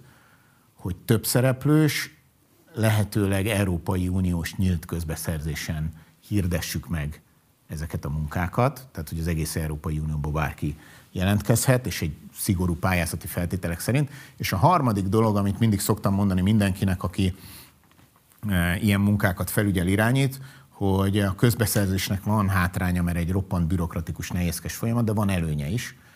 Ezeknél a pályázatoknál a kiíró, a megrendelő, az állami vagy önkormányzati fél egyoldalúan tudja meghatározni a szerződés tervezetet. És ezt vissza lehet nézni, ha valaki van erre indítatás, akkor az én munkáimon megnézheti az publikus dokumentumok, hogy milyenek azok a, a szerződések. E, ugye itt most kritizálom is a Városházát a Lánchíd kapcsán, hogy miért kell akkor a hatalmas előleget adni munkanélkül, a vállalkozónak miért kell a ködbért megfelezni. Én arra törekedtem mindig, hogy ezeknél a munkáknál nagyon szigorú szerződési feltételek legyenek a, a vállalkozó számára, ha késik, az fájjon neki, ha nem teljesít, az számon lehessen e, kérni, és, az, és rengeteg vitánk volt e, sokszor. Beszéljünk néhány konkrét projektről, azon ismérvek mentén, amiket most vázoltál. A korrupció mellett egy dolgot elmondhatok én is, amit én legalább ilyen fontosnak tartok a, a város építés kapcsán, és amit a legizgalmasabbnak tartom. És, ö, ö, ö, fontos a korrupció, és nagyon fontos, hogy azt kikapcsoljuk, és ha, ha konkrét eset van, akkor akár az én ügyeimmel kapcsolatban is mindenki forduljon a, a megfelelő hatósághoz, meg a nyilvánossághoz. De a legizgalmasabbnak azt tartom, és ez a művészet, a nehézség az ilyen munkákban, hogy itt egyszerre kell e, Ugye egyszerre van szükség arra, hogy álmodj, és hogy álmodj szabadon, bátran, legyen egy álmod a legelején, egy víziód, és utána pedig felelősen kell tervezni, és nagyon fegyelmezetten végrehajtani. És a nagy tudomány ebben az ilyen nagyobb városépítő munkákban, nagyobb középületek eh, létrehozásában, hogy egyszerre legyen meg az álomhoz szükséges szabadság, szertelenség, csibészség, képzelőerő, vagyis kreativitás, és a munka fegyelme. És ugye az a nehéz, hogy a, az álom szabadsága, szertelensége az ne verje szét a munkát, és a munka fegyelme ne folytsa meg az álmot. Mert lehet a legszebb álmot, ha nem vagy képes arra, hogy utána akkor azt lebonst feladatra, határidőre, e, e, építkezésre, tégla téglára, akkor az álomból nem lesz senki. Ha meg ilyen nagyon kockaszerűen gond, dobozonban gondolkodsz, akkor az megfojtja az álmot, és abból unalmas épületek lesznek. És ezt a kettőt egyeztetni, meg a legkülönbözőbb, azért itt nagy csapatok dolgoznak egy ilyen nagyobb városépítő beruházáson, hogy a legkülönbözőbb szakmájú, életkorú, hátterű, gondolkodású embereket, sokszor ellenérdekelt, szerződésben ellenérdekelt feleket egy irányba tartani, eh, mediálni, mindig a konfliktusokban megtalálni a megoldásokat és a, a kivezető utat, ez egy intellektuálisan is nagyon izgalmas dolog. Tehát én nagyon szeretek bíbelődni, ha fogalmazhatok így ilyen munkákkal, de figyelek a kérdésre. Puskás Aréna. Igen. Ugye 2015-ben nyilatkoztad azt, hogy nyílt tender, éles verseny lesz,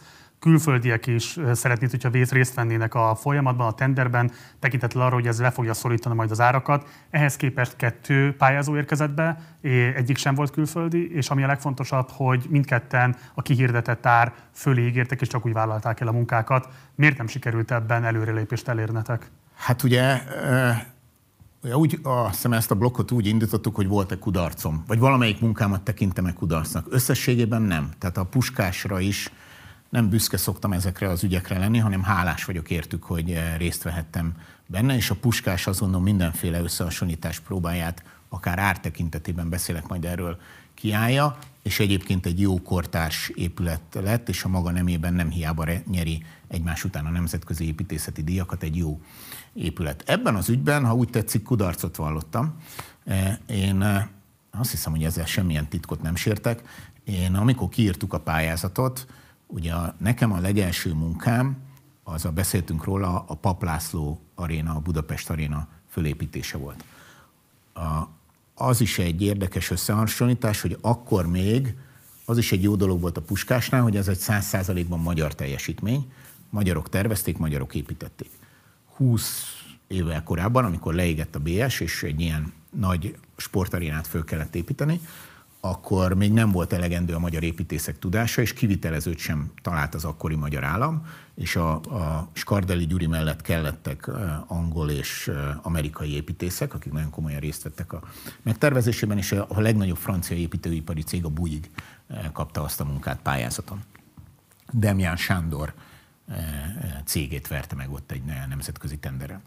És, és nagyon nehéz volt a franciákkal, nagyon föl kellett kötni a gatyánkat, egy elképesztően profi, és nem csak építeni, hanem jogászkodni is tudó, meg pénzügyi, tehát velük nagy, nagy viták voltak, és nagyon észné kellett menni végig, de elképesztően profi, nagyon sokat lehetett tőlük tanulni, hát nyilván egy évtizedek óta egy multi, egy a világ építőiparában vezető cég. Én nagyon sokat tanultam tőlük személyesen, még hogyha ez, ez kemény konfliktusokon keresztül is volt. És én fogtam magamat, amikor a Puskás arénát kiírása közeledett, és a közbeszerzési doksival elbalagtam a francia nagykövethez, és azt mondtam, hogy eh, nekem egyszer már egy nagy francia cége volt egy ilyen közös munkám. Eh, Franciaországban vannak nagy építőipari vállalatok, a Bouygues konkrétan, aki itt a Puskás Aréna szomszédjában fölépített, de más cégek is, hogy itt van a, a tervdokumentáció, jön a kiírás, eh, tájékoztassa már a francia cégeket arról, hogy, hogy van ez a, a, a lehetőség, és tényleg nyílt Európai Uniós közbeszerzésen fog eldőlni. Ugyanígy eljutottuk osztrák, meg német cégekhez is, és nem indultak. Azért az az épít... Szerinted miért nem? Azért az az építőiparban, ha mondok egy történetet az első Orbán kormány idejéről, remek viszony volt uh, Süsszel kancellár és Orbán Viktor Magyarország miniszterelnöke között, és uh, már a kormányzás vége felé talán egy közös kormányülés volt, Süsszel kancellár így a hivatalos program végén megkérdezte, hogy te Viktor, mikor fognak a, osztrák építőipari cégek újra autópályákat építeni Magyarországon. És akkor a magyar miniszterelnök azt mondta neki, hogy hát akkor a Wolfgang, amikor a magyar építőipari cégek pedig Ausztriában építenek autópályát. Ha valaki megnézi az osztrák, vagy a francia, vagy a német építőipari piacot, minden, mindenhol Európai Uniós nyílt közbeszerzés van, sehol nem lehet ugye Európai Uniós tilalom, hogy nemzeti alapon, a vállalatok honossága alapján diszkriminálj valakit egy közbeszerzésen, de valahogy egész Európában úgy történik, hogy mindenhol az adott nemzetgazdaságnak a zászlós hajói, a nagy, nagy francia, nagy német, a nagy osztrák építőipari cégek nyerik el ezeket a megbizatásokat. Tehát ebben a tekintetben biztos, hogy, hogy eh, nincs különbség. Eh, volt, amikor sikerült eh, nagyobb versenyt megvalósítani, nem tudom, hogy arra rá fogunk-e térni, ugye épül most ez a, a multi aréna a Népliget mellett, ott például öt cég versenyzett, és amikor bemondtuk, hogy már pedig 100 milliárd forintnál drágább ajánlat nem fog nyerni, akkor hirtelen egész magasról 150 meg 180-ról lementek, amikor ezt kormányhatározatba foglaltuk. Tehát van, amikor sikerült. Itt, mondom, voltak a háttérben is szerintem teljesen legitim erőfeszítéseink, de végül is azt, azt egy megrendelő nem tudja befolyásolni, hogy kiad ajánlatot. Azt tudom dönteni, hogy versenyben hirdetem meg a munkát, vagy sem. Ez egy nyílt Európai Uniós közbeszerzés, egész Európából lehetett volna jelentkezni. Lehet, hogy jobb lett volna, ha az árnak jobbat tett volna, de ezt azért nagyon fontosnak tartom elmondani, és ez kérlek semmiképp se e, e, e, legyen a szerkesztés áldozata, hogy a, és szívesen beküldök utólag is táblázatokat, hogyha bevarjátok az adásba, hogy a, ha valaki megnézi az elmúlt tíz évben hasonló ilyen 50-60-70 ezres arénáknak az építési költségét világszerte, akkor a Puskás aréna egy székre jutó költsége, meg építési költsége, az egy közepes egy átlagos közepes. Ugyanekkora aréna teljesen párhuzamosan épült a Budapest Puskás arénával, Tókióban az olimpiai stadion, pontosan ugyanekkora a nézőszáma, és két több mint duplája az ára. Tehát én tudom, hogy van ez a toposz, és mindig nekünk meg kell mindent tennünk, hogy próbáljuk leszorítani az árakat, de, de a Puskás Aréna ára is, nem csak az ára, szerintem a minősége is kiállja a nemzetközi összehasonlítást. De akkor hogy magyarázod azt, ami szerintem a közvéleményt a legjobban érdekli a puskással kapcsolatban?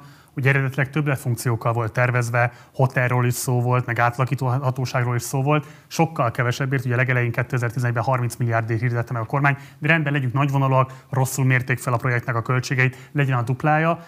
Ehhez képest megérkezünk az átadáshoz, bruttó 190 milliárd forintba kerül a teljes létesítmény, és kevesebb funkcióval bír, mint amit eredetileg egyébként megálmodtak benne semmilyen eh, rossz indulatot nem érzékelek a tartalmilag is abban, ahogyan fölteszed, de azért néhány dolgot itt, és ez lehet, hogy nagyon szakmázó lesz, szakmázós lesz, érdemes eh, tisztába tenni. Azt a, amikor közbeszerzésen meghirdettük a Puskás Aréna építését, akkor az a műszaki tartalom lett meghirdetve, ami meg is épült. Tehát abban menet közben semmilyen változás nem történt, és ezt is visszakeresheti valaki a teljesen nyilvános dokumentumokban, hogy az ára sem emelkedett. Tehát amennyire elnyerte a nyílt Európai Uniós közbeszerzésen a kettőből olcsóbb ajánlatot ajánló vállalkozó, annyiért is építette meg, nem lett hozzátéve, nem drágult eh, menet közben.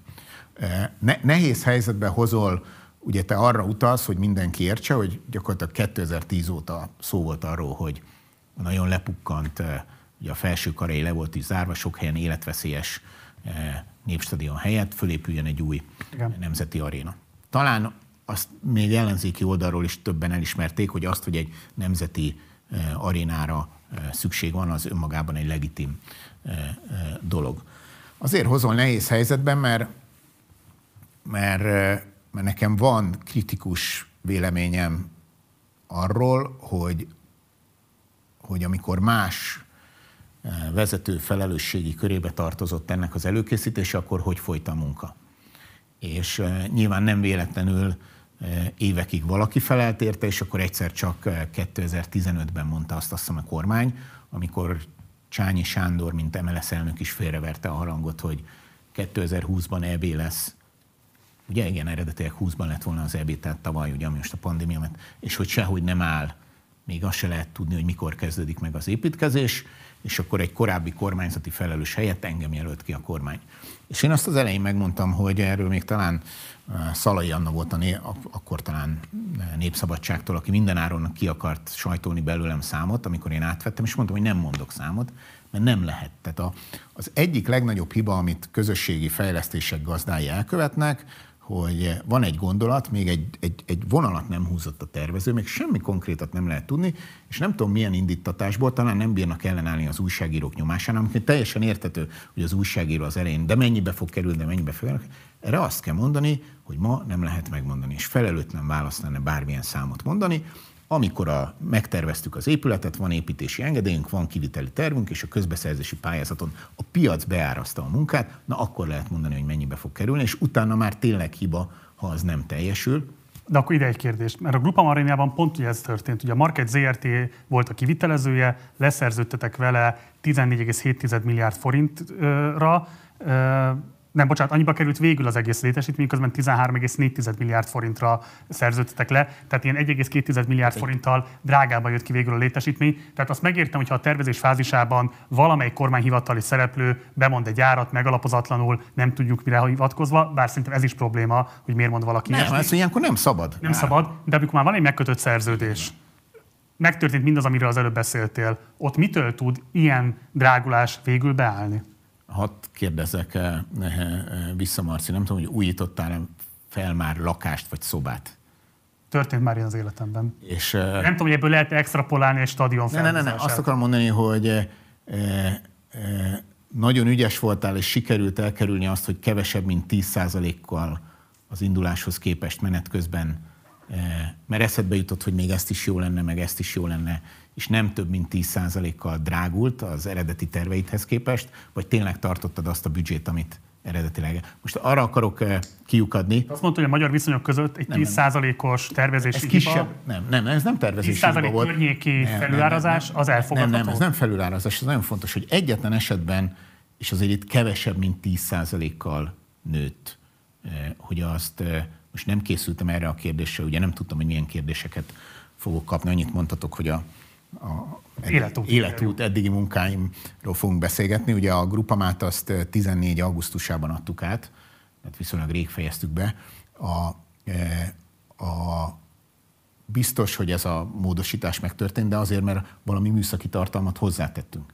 Tehát nem ugyanaz került, leszerződtük, és akkor menet közben, na az nagy hiba lenne, ha azt mondjuk, hogy szerződésben van a kivitelező, kötbér kötelezettsége van, tehát ha nem csinálja meg, büntetést kap. És akkor valamilyen okból én mégiscsak ugyanazt a tartalmat elfogadom, hogy drágábban szállítsa menet közben a szerződés megkötése után. Nem ez történt, most nem emlékszem már, mert ez elég rég volt, de akár a adás megszerkesztéséig ezt eh, vissza is jelzem neked, hogy valamilyen tartalommal bővült a szerződés, tehát hogy többet kellett megépíteni annál, mint amire eredetileg leszerződött, és nyilván ingyen senki nem szállít semmit, és ezért volt, hogy kevesebb, mint 10%-kal e, bővült a műszaki tartalom, és így, így, így nőtt az ár is. És még egy dolog, amit a puskásra, mert ez teljesen értetően nagyon kevesen vannak, akik nem ismerik a, a Puskás arénát, mint épületet, bár még egy viszonylag fiatal épület Magyarországon, tehát érthetően és nem kevés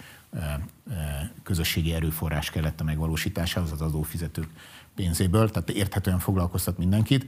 A, másik hiba, amit én akkor, tehát én hiba, tehát én, én nem tartottam jónak, és végül is meg tudtam győzni mindenkit e, e, az érveimmel, hogy szerintem az volt a, igenis hiba, kimerem mondani, hogy tök felesleges funkciókkal tömték tele az eleve nem kicsi épületet. Tehát ha ez mondom úgy, hogy a nemzetközi összehasonlítás próbáját kiállva, ez nemzetközi szinten egy közepes, átlagos szintű aréna, nem a legolcsóbb, nem a legdrágább, a tokiói dupla annyiba került, párhuzamosan épültek. Képzeld el, mennyi pénzbe került volna, hogyha de tök, értem, de tök feleslegesen hogyha szálloda funkció, volt benne, meg...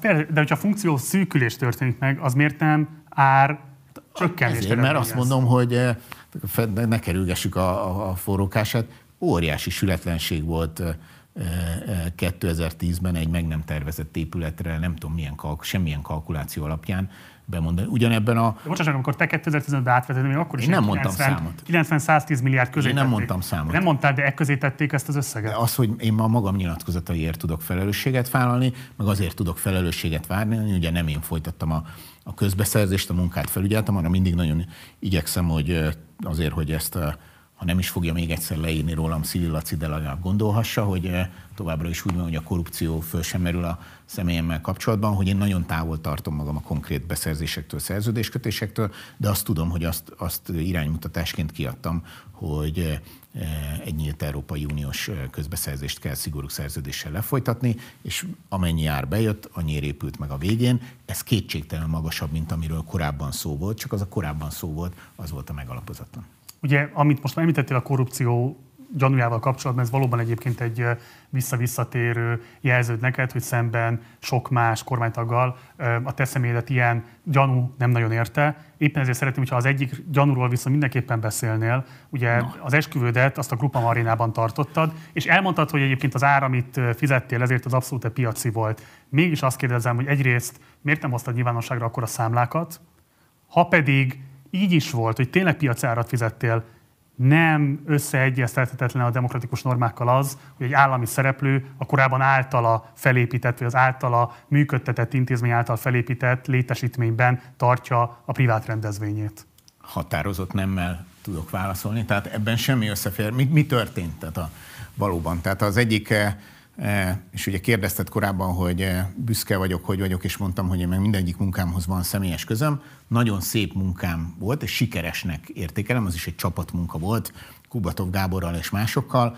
A, az új Grupa Marina, az új Fradi stadion fölépítése. Itt nagyon könnyű volt, a evidencia volt itt is a személyes szál, amióta az eszemet tudom, fradista vagyok, az egyik legszebb gyerekkori élményem, amikor sok év könyörgés után tíz évesen kivitt édesapám 81 áprilisában egy Fradi meccsre, 5 0 megvertük a lilákat, emlékszem, hogy ugrom az első gólnál a nyakába, és utána sokat jártam Fradi meccsre, eh, tinédzser koromban, meg fiatal eh, eh, koromban is, családalapítással ez egy kicsit megritkult. Tehát nagyon szerettem ezt a munkát, nagyon lelkesen csináltuk. Azt gondolom, hogy nem sikerült rosszul, ott is sok nemzetközi elismerés de van. Az árérték arány is megint csak minden összehasonlítás próbáját kiállná. Belehetnénk abba, hogy hogy volt az talán az egyetlen anyagi értelemben is nyereséges magyar stadionfejlesztés, mert ugye ott elforgattuk, felszabadítottunk egy területet, ahol a Tékom eh, székház megépülhetett, abból a magyar állam el tudta adni azt a területrészt, abból sok milliárd bevétele volt, a Tékom építkezésből, meg a, meg a, a stadion építéséből rengeteg adóbevétele volt. Hát az egy minden szempontból azt hiszem, hogy védhető, sikeres munka volt, és eh, befejeztük 14-ben, én 16-ban eh, eh, házasodtunk a feleségemmel, és eh, az ülői úton volt a templomi esküvő, mert neki ott van az ülői úton egy templomhoz kötődése, tehát az evidencia volt az elejétől, hogy ott fogunk egyházi szertartás keretében házasságot kötni. Én gyerekkorom óta fradista vagyok, nagyon jó szívvel dolgoztam a Fradistadion építésén, úgy éreztem, hogy jól sikerül, szombat este bajnok lett hosszú idő után először a csapat, mi meg vasárnap úgy megtartottuk ott az esküvőnket, hogy eh, mint bár, ez első esküvő volt, ennek is örülök, hogy mindig azt hirdettük, hogy ez egy eh, multifunkcionális rendezvényközpont lesz, ahol konferenciákat, tanácskozásokat, fogadásokat, esküvőket is lehet tartani. Örülök, hogy ott tarthattuk egy szép emlék a, a, a, az esküvőt, és valóban nagyon szigorúan kértem a, a, a, a grupamát, hogy annyi pénzért, mint bárki más kibérelni, mi is bérelhessük ki. De az így történt, akkor miért nem hoztad nyilvánosságra a Az föl sem erőt. Tehát ha kérte volna bárki, akkor nyilván most nem tudom, hogy ennyi idő után megvan, de megnézem, hogy hány éve vagyunk azután? 16, 5, éve, 5, éve. 5, 5 évvel utána megvannak-e a, a számlák, de azt tudom, hogy, hogy erre nagyon figyeltünk, hogy itt semmiféle szó ne érje a, a, a ház elejét, úgyhogy... Te személyesen nem tartottad volna fontosnak akkor, amikor elindultak ezek a találgatások, hogy mégiscsak lehet valami fajta korrupciós kockázata ennek az esküvőnek? Megmondom őszintén, eszembe se jutott. Ezt komolyan mondod ahhoz képest, hogy ez a legfontosabb önjellemzéseid egyike, hogy te nem vagy korrupcióval szóba hozható? Nem, tehát ez az egyetlen így az elmúlt próbálom, év, amikor, próbálom. konkrétan, amikor konkrétan fölmerült ilyen gyanú veled szemben. Nem, az sem, ne, azért ne, ne, azt hiszem, volt egy index cikk talán, Szélesebb nyilvánosságban ez volt az egyedüli ügy, ami ténylegesen a személyedet ilyen. Ne, ne, ne, ne, ne, azért, azért bocsánat, tehát azt tényleg nyilván sok rosszat el lehet, akik igazán jól ismernek, lehet, hogy sok rosszat el tudnának mondani, mondani rólam, de azt gondolom, hogy a tisztességességemre igyekeztem mindig vigyázni, tehát itt sem merült fel korrupciós gyanú, hanem szóvá tették azt, hogy hát a kormány, azt hiszem az volt, annak volt hírértéke, ilyen bulvár hírértéke, hogy na, a kormány biztos ott tartotta az esküvőjét, amit előtte fölépített, vagy ami. Azért azt látod, hogy ennek van egy stihja. Én látom, hogy van egy, vagy utólag most azt látom, hogy van egy stihja, csak én... Akkor ezt nem gondoltad problémát? Először is, amikor az esküvőjére készül az ember, ami a, a, a, a, az egyik legfontosabb esemény az életünkben, és nekem magától értetődő választás volt, magától értetődő volt az, hogy mindent rendesen intézünk, tehát, hogy szerződést kötünk és kifizetem, most már esküszöm meg fogom nézni, hogy megvan-e még a számla, azóta költöztünk is, de hát, ha megvan valahol.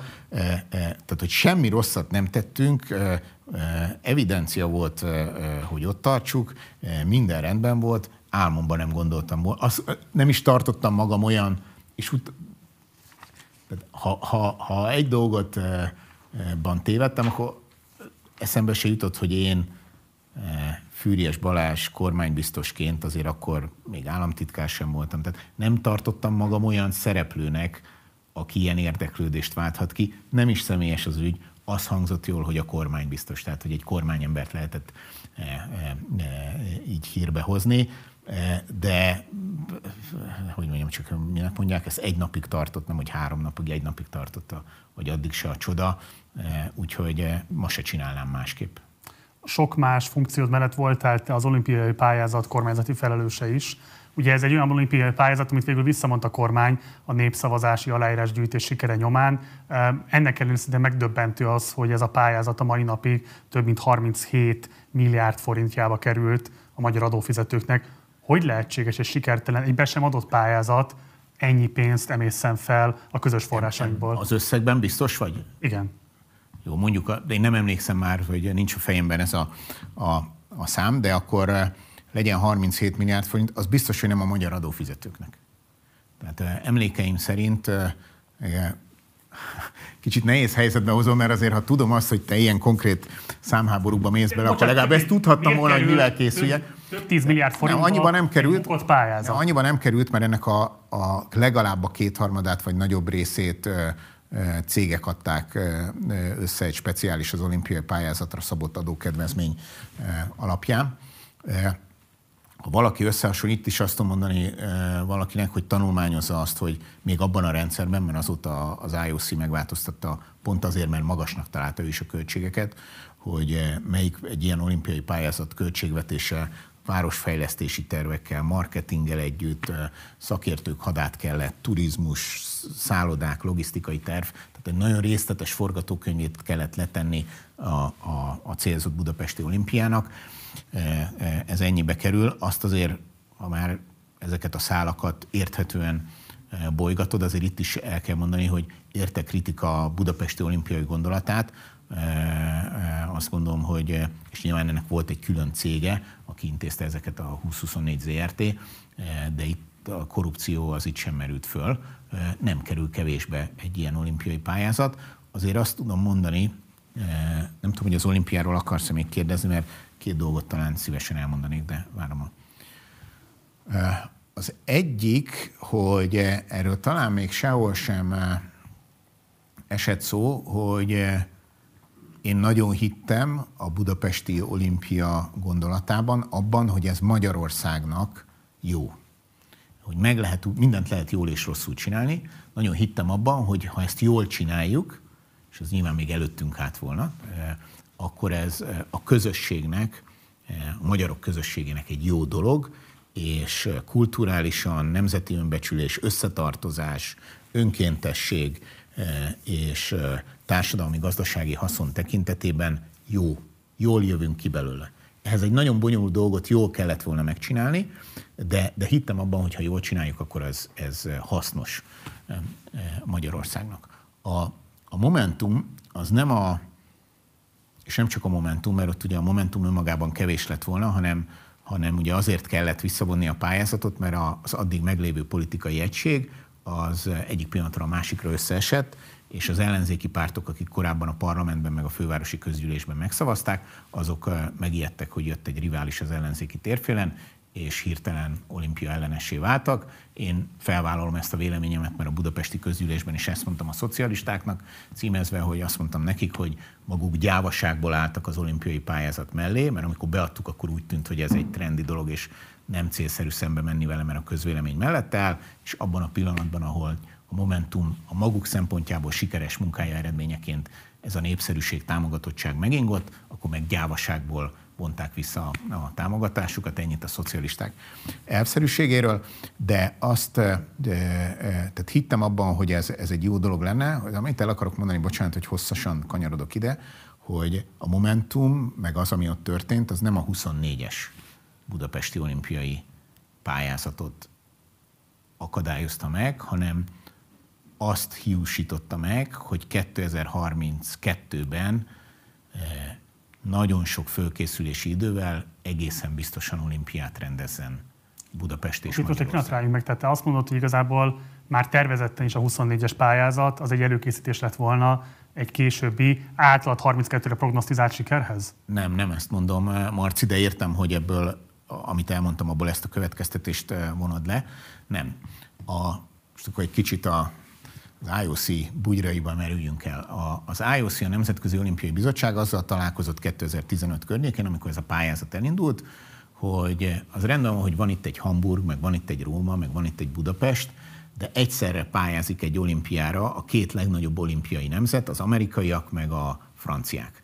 Ugye Franciaország Kubertenbáró kétszer volt már Párizsban olimpia, rég rendeztek olimpiát, ugye száz éves centenáriumra készültek, centenárium nem lehet más, mint száz éves, tehát centenáriumra készültek, e, és, e, e, és ugyanakkor Amerika is rástartott a 24-es olimpiára, aki pedig a legnagyobb gazdasági erejét, forrását nyújtja a szponzorszerződéseken keresztül TVT, NBC-s tévés társaságnak a szerződése, ezek a legstabilabb bevételei az olimpiai mozgalomnak.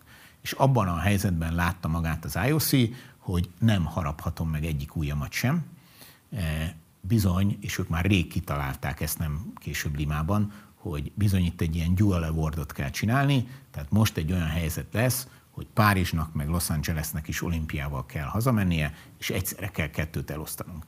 És szépen lassan hullottak el a többiek. Először Hamburg szállt ki, aztán Róma, mi pedig jöttünk föl, mint borban a gyöngy, és egyre komolyabban vettek minket, és az látszott, hogy ez egy komoly dolog.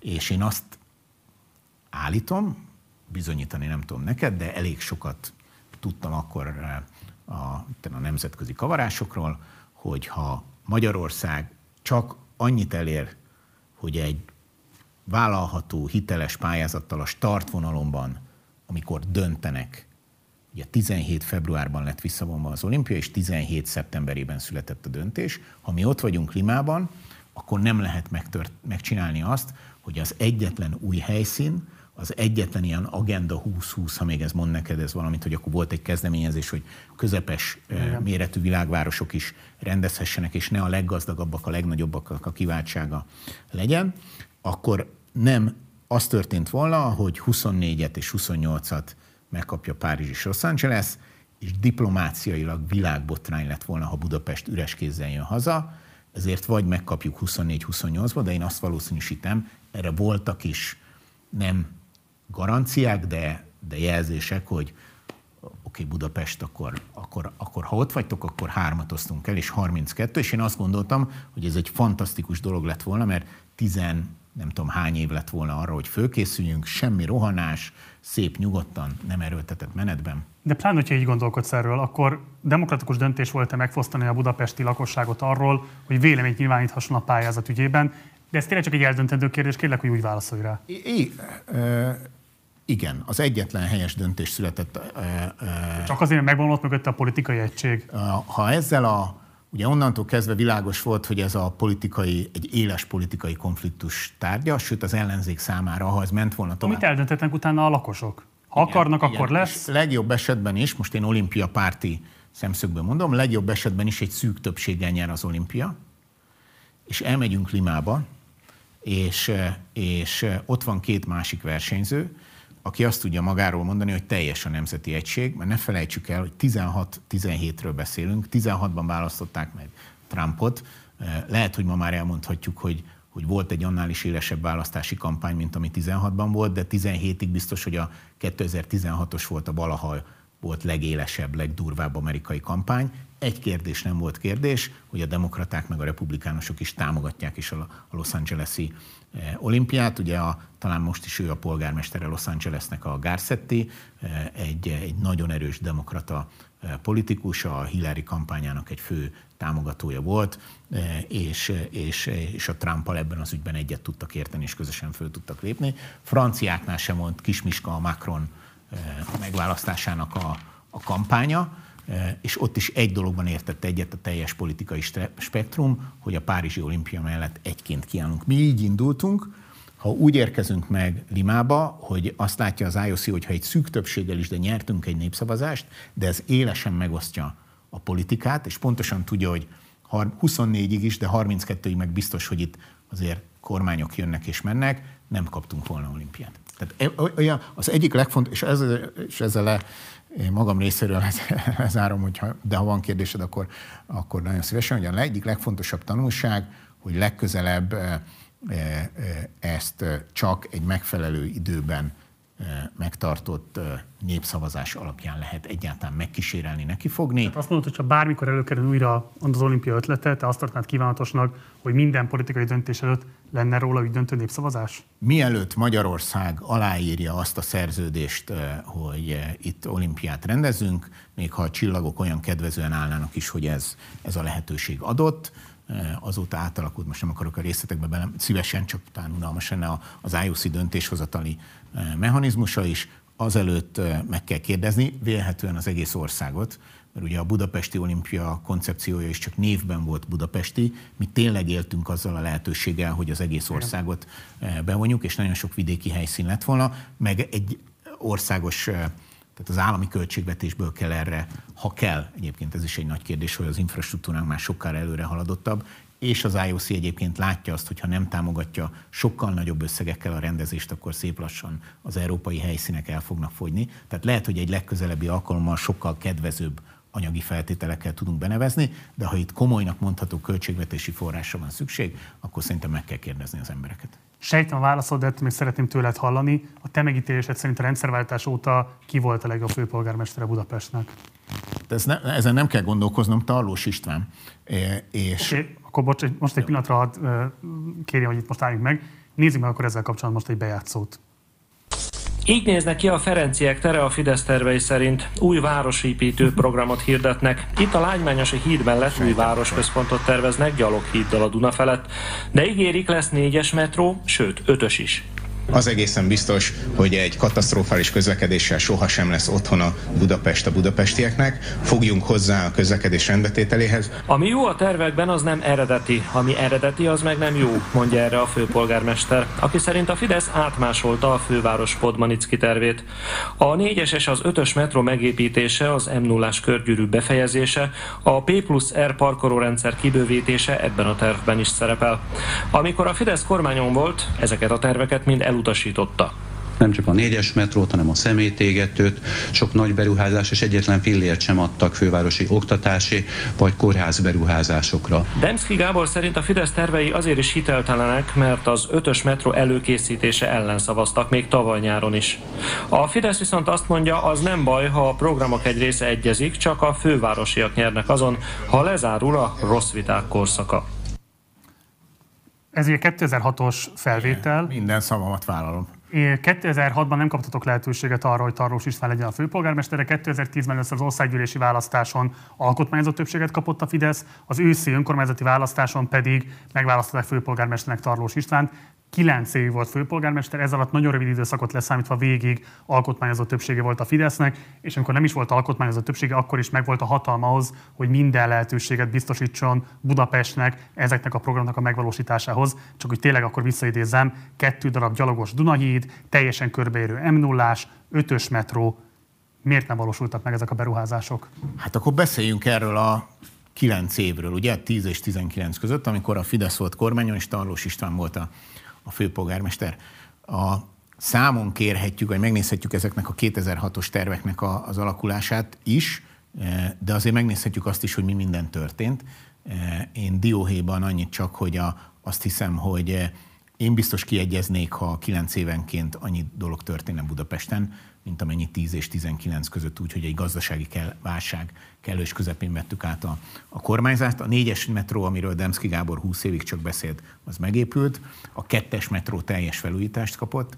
A hármas metró felújítása elindult, és egyébként a négyes metró befejezéséhez szükséges forrásokat, meg a hármas metró felújításának a forrásait teljes egészében a kormány biztosította Európai Uniós, meg kormányzati forrásokból. Létrejött a fonódó villamos, eh, meghosszabbodott az egyes villamos, kapott egy teljes felújítást, a hármas villamost eh, felújítottuk, megújult a budapesti járműpark, építettünk több egyetemi kampuszt, tehát hogy eh, nem tétlenül teltek ezek a, az idők. Nem véletlen... A tervek voltak rosszak 2006-ban? Mert ami ott elhangzik abban a bejátszóban, azok közül igazából semmi nem Volt egy vit, ugye azt olvashattuk a, a pulpituson, vagy a mi az, Molinon, hogy új Budapest párbeszéd 2006, egészen pontosan itt a, a 2006 tavasszal vagyunk, amikor ez a bejátszás ké, vagy a felvétel készült. Ez az országgyűlési választások előtt a Navracsics Tibor vezette a polgári kormányzás 2006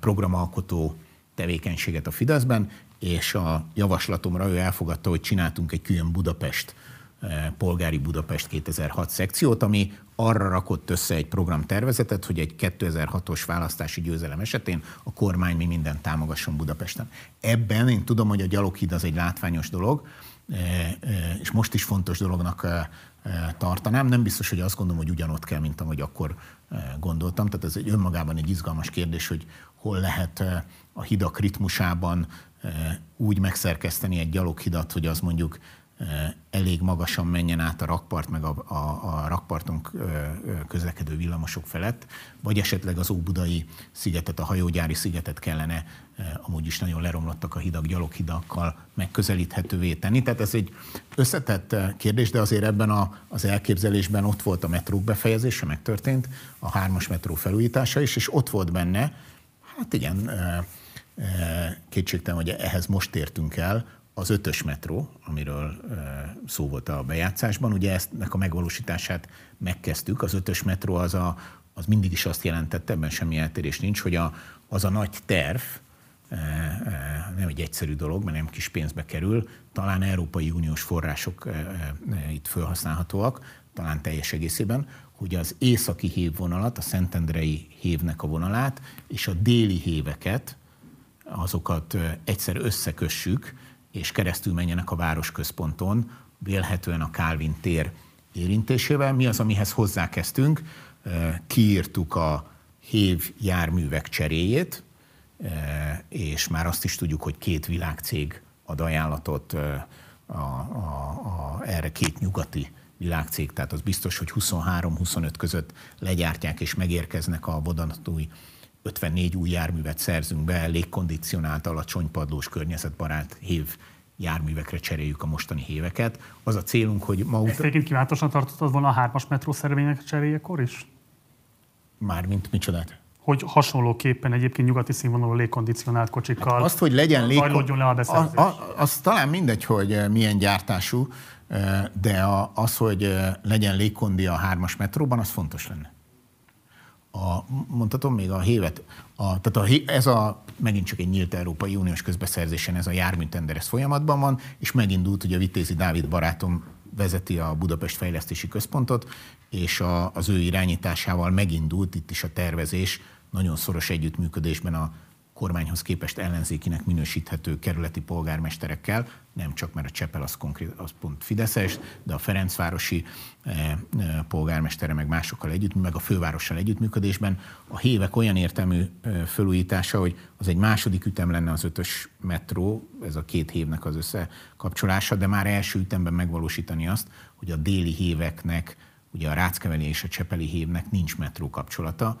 a Szentendrei a Battyányinál eléri a metrót, a Gödöllői az Ősvezértéren eléri a metrót, ezek a hívek nem tudják ráhordani a metróhálózatra a külső területekről befelé igyekvőket dolgozni, tanulni járókat, és akkor a Kálvin térig bejönnének ezek a, a, a hívek is már elsültem be. Ezt miért nem lehetett megcsinálni 2010 és 2019 között? Mi akadályozott benneteket ebben? Hát én azt hiszem, hogy nem tétlenkedtünk. Tehát, hogy nem lehet mindent egyszerre.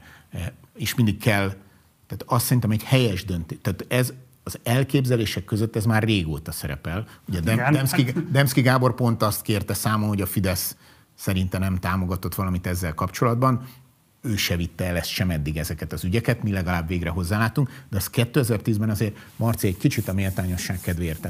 2010-ben átveszünk egy városházát és kormányzást, az ország a csőd szélén, a városvezetés könyökig a Nokiás dobozokban, négyes metró és egyebek, ma is a legkorruptabb uniós ügynek minősülés, ugye Olaf nyomozás meg egyebek folynak még jóval a Fidesz kormányzás előtt, tehát a Demszki időben eh, indult eh, ügyek. Be kellett fejezni a négyes metrót, Eh, föl kellett újítani a teljes kettes metrót, fontosabb volt, azonnali feladat volt a budapesti villamos hálózat rendbetétele, a járműparkok, és akkor mondok még egy számot, amiről kevés szó esik, a publikus adat, hogy 2010-ben eh, hivatalba lévő, lépő Orbán kormánynak 375 milliárd forintnyi adósságot kellett átvállalnia a fővárosi önkormányzatoktól és a budapesti kerületi önkormányzatoktól, tehát konszolidálni kellett a csőd szélén lévő önkormányzatokat, és akkor sorolhatnánk még, hogy oktatási fejlesztésekben, útépítésben,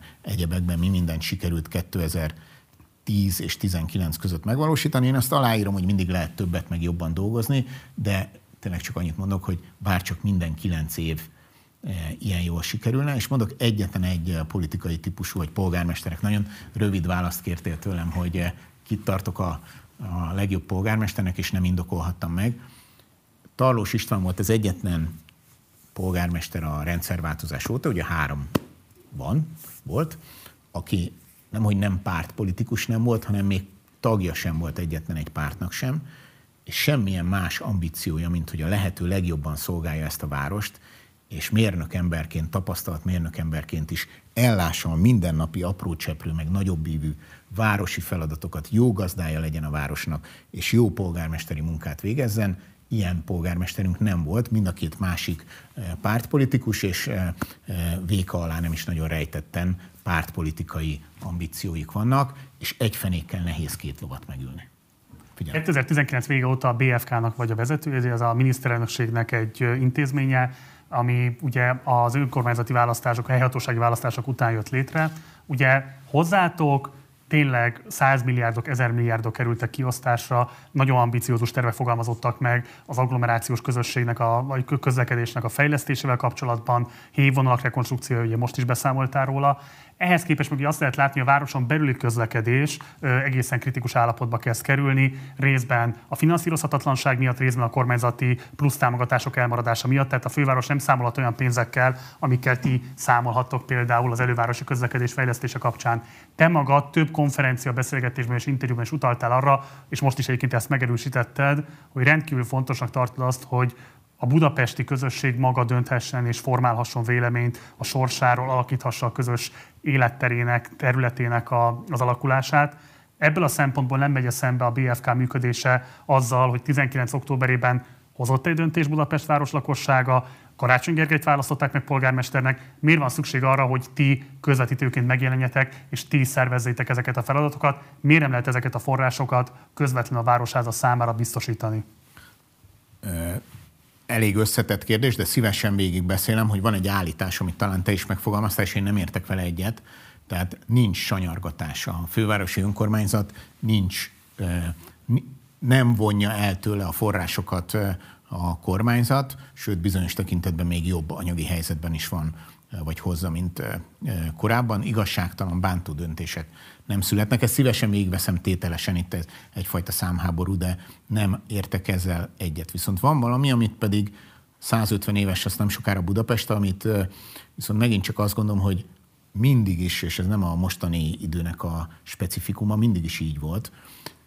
A magy, ugye 1873 mondjuk azt, amióta Budapestről beszélünk hivatalosan, 72-ben fogadta el az országgyűlés a törvénycikket, és 73-ban volt az első új egységes fővárosi tanácsülés. É, tehát 150 éves lesz a város nem sokára. Ebben a 150 évben mindig is két intézményes szereplő volt a magyar politikában, akinek kutya kötelessége, feladata, felelőssége volt a város építése, fejlesztése, munkamegosztásban, a mindenkori nemzeti kormány és a mindenkori városvezetés. Sőt, azt is el tudjuk mondani, ha valaki megnézi Budapest legjelentősebb közútjait, a budapesti hidakat, Budapest pályaudvarait, és még jó néhány dolgot, hogy valójában a kormányzat mindig több erőforrással rendelkezett, és több erőforrást költött el Budapesten, mint amennyit a mindenkori városháza el tudott költeni, de ez jól van így, mert mégiscsak a nemzet fővárosáról beszélünk, az egyetlen világváros, az egyetlen magyar város, ami látszik a, a, a világtérképen. Szerintem Budapest a nemzet számára erőforrás és lehetőség, azon túl, hogy a budapestiek otthona, 1,7 millió magyar ember otthona, ami önmagában indokolná az állami eh, szerepvállalást. Tehát a mindenkori magyar kormány eh, az eh, támogatnia kell Budapestet, de nem gyámkodhat Budapest felett, és mi ennek jegyében igyekszünk cselekedni. A G7 írta meg azt, hogy a kormány decemberi bejelentésén van, hogy azt mondta, hogy nincsenek elvonások, ők meg arról írnak, hogy a fővárosi önkormányzat a bevételeiknek közel az ötödét 18%-ot vesztett el, és erről még rá az is egyébként, hogy a turizmus elmaradása miatti pluszbevételekkel sem számolhat a város. Tehát nyilvánvaló, hogy van egy alapvetően a pandémiához köthető bevételkiesés, amit kormányzati sarcolás fejel még meg. Te viszont azt mondod, hogy nincsen kormányzati sarcolás, mivel tudsz érvelni az állításod mellett? Igen, akkor nézzük meg jó alaposan ezt a van-e kormányzati sarc, vagy nincs. Hát egy dolgot biztosak lehetünk, hogy van koronavírus. A koronavírus az az állami központi költségvetésén egy 3000 milliárd forintos lyukat üt, e, nagyon sok bevétel maradt el, adóbevételek döntően, és nagyon sok váratlan kiadás van az egészségügyi védekezés, meg a munkavállalók, munkahelyek megmentése, vállalkozások segítése, a gazdasági válság orvoslásából. Ez 3000 milliárd forintos lyuk.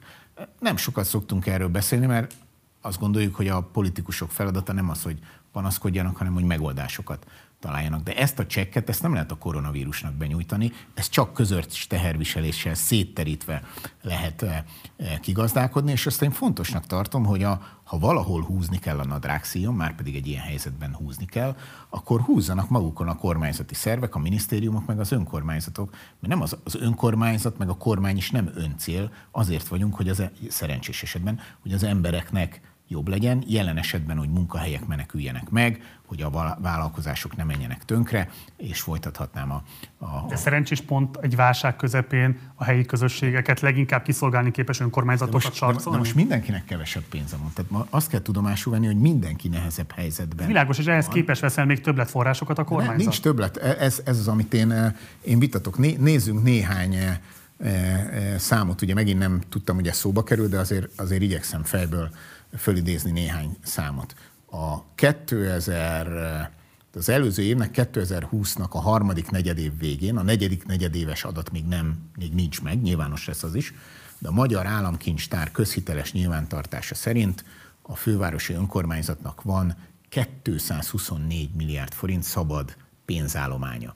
90 milliárd forint készpénz, 134 milliárd forint rövid és hosszú távú állampapírokban megtakarítás. Egy összeg. Erre ők azt mondják, hogy ezek részben kötelezettségvállalásokkal vannak terhelve, részben pedig éppen arra elégségesek, hogy a kormányzati elvonásokat kompenzálják ebbre az évre, és 2022-ben a város csődbe megy kifogás és panasz az mindig van, meg, meg folytatnám a, a felsorolást a pénzeszközök eh, tekintetében, de, de, de, legalább, de, de, de legalább azt nem vitatják, hogy van. De addig, amíg ezt ne, addig, amíg ezt nem hozta az államkincstár nyilvánosságra, addig valahogy erről nem volt szó. Ahogy nyilvánosságra hozták, akkor arra az a válasz, hogy tényleg van ennyi pénzünk, de az a lesz, meg ezt, meg ezt kell. E, e, e. Ez csak panasz szerinted? Hát nézd, az állampapírok, a, a neve is ez megtakarítás. Tarlós István komoly megtakarításokkal adta át a Városháza vezetését. A megtakarításoknak pont az az értelmük, hogy inséges időben kénytelenek vagyunk személyként is, családként is, kis cégként is eh, és önkormányzatként is hozzá eh, nyúlni. Tehát ez pont arra van, hogy a nehéz időkben eh, egy biztonságot, egy segítséget nyújtson. Mondok egy másik összeget, hogy a, van egy 61 milliárd forintos az Európai Fejlesztési Bankkal kötött hitelszerződés. Néhány évvel ezelőtt a kormány támogatta, hogy ezt a hitel szerződést megkösse a főváros. Van egy 61 milliárd forintos kedvező feltételekkel kötött hitelfelvétel, amit szabadon lehívhatnak, pontosabban ebből 61 milliárd forint, amit még szabadon lehívhatnak. A járműpark csere az kifejezetten nevesített célja ennek a, a hitelfejlesztésnek, és én amikor hallom azt a választ, amikor ezt elmondjuk, akkor megint igen, de az már el van költve. És akkor megkérem a, az egyébként nagyon jó munkakapcsolatban vagyok Kis Ambrus főpolgármester helyettest, hogy főpolgármester helyettes úr Ambrus, ugyan már egy táblázatban, hogyha ez tényleg mind el van költve ez a pénz, akkor tudnád már nekem azt kimutatni, hogy, hogy, hogy tudnál arról tájékoztatni, hogy akkor konkrétan milyen projektek, és azok milyen előrehaladottságban vannak, hogy tényleg nem lehet-e ezt esetleg újra tervezni, más célra felhasználni, akkor ezt a részletes tájékoztatást a mai napig nem kapom meg. És amikor utoljára ugye volt egy vitánk a megint csak azt mondom, hogy a vita az önmagában nem rossz, az természetes dolog. Tehát volt egy vitánk a, a fővárosi közfejlesztések tanácsában, ami ugye a kormányzat és a főváros egyeztető testülete, az intézményes párbeszéd helye, öt-öt fővel veszünk részt benne, mindenkinek egy szavazata van a fővárosnak és a kormánynak, csak akkor születik döntés, ha egyhangúan szavazunk, tehát senki sem tudja rá oktrojálni a véleményét a másikra. És akkor itt bocsánat, hogy így fogalmazok, tehát hallottuk az éppen aktuális panaszokat, meg a főpolgármester terveit, hogy ő megszorításokat, adóemelést, hitelfelvételt gondol üdvösnek, akkor, akkor tettünk még egy javaslatot, hogy akkor rendben van, akkor tehermentesítsük a fővárosi költségvetést, és 60 milliárd forint olyan jelentős budapesti városfejlesztést, amit egyébként tervezett a főváros, és amivel mi is egyetértünk, hogy célja tekintetében helyes, jó dolog, akkor azt átvállalunk, és a teljes egészében a kormányzat a kétségtelen nagyobb állami költségvetésből finanszírozza, és így tehermentesítjük a költségvetést, segítünk. Ha mindez igaz is, amit elmondtál, milyen demokratikus megfontolás támasztja alá azt, hogy a Városházától vonnak el forrásokat a központi kormányzat által, bocsáss meg, hadd fejezem be, akiket demokratikusan megválasztottak, miközben a BFK-t, akit senki nem választott meg soha, száz és ezer milliárdokkal látnak el azért, hogy különböző feladatokat lásson el, ami mögött nincsen demokratikus felhatalmazás. Hát most először mondom azt, hogy ügyes a megfogalmazás. Természetesen először is két, csak két dolog nem stimmel. A, a BFK-ban nincsenek száz és ezer milliárdok, Ennyire írt a sajtó, amikor ezeket a különböző elővárosi közlekedési projekteket Mondjuk szemlézte. folyik olyan, tehát beszéltünk a hévfejlesztésekről, folyik... Ez lesz a nagyságrendje. Igen, nem a BFK fogja megépíteni őket, de a tervezési munka, ami önmagában több milliárd forint, ez a BFK-nál van. De a 100 meg 1000 milliárd az nagyságrenden nagyon nem stimmel. A Galvani hídnak a tervezése is a BFK-nál van, de a BFK az a másik kérdés, ami nem stimmel, az a, korm, a demokratikus legitimáció. Tehát itt Budapesten az történt 2019 őszén, hogy a választók szabad akaratukból, a budapestiek létrehoztak egy politikai társbérletet. Mondom, a mindenkori magyar kormánynak és a mindenkori városvezetésnek közös feladata Budapest fejlesztése, Budapest építése, és most kilenc évig beszéltünk erről, ugye egy egyszínű leosztás volt, és most pedig a szabadon választott demokratikus legitimációval bíró jobboldali kormány mellé választottak egy baloldali városvezetést. Költségvetési döntések pedig az országgyűlésben születnek, tehát demokratikus legitimációval bíró testületek hoznak döntéseket. A BFK-nak sem lehetősége, sem egyébként ilyen szándéka nincs, hogy bárhonnan forrásokat ide-oda rakjon. Ez világos, de kívánatos az ugye Orbán demokratikus is... legitimációja a kormánynak Értem. és a fővárosnak van. Értem, de a főváros maga eset... mindig azt mondja, hogy a szubszidiaritás elvét kell követni. Ugye ezt ő maga például az Európai Unióval szembeni harcai közben folyamatosan el szokta mondani. Ugye ez azt mondja, hogy lehetőség szerint minél közelebb dönt, hozódjanak meg azok a döntések, amik érintik az ott élőket. Ebből a szempontból kívánatos-e az demokratikus szempontból, hogy a kormányzati akarat megkerülj vagy felülírja a budapesti választópolgárok akaratát? De nincs ilyen, nem, nem, eszünk ágában sincs felülírni, sőt, a, ugye amikor megvolt az önkormányzati választás, akkor talán a választás éjszakáján Orbán Viktor három-négy dolgot mondott el. Az egyik az volt, hogy gratulál és jó munkát kíván az újonnan megválasztott polgármestereknek, városvezetőknek.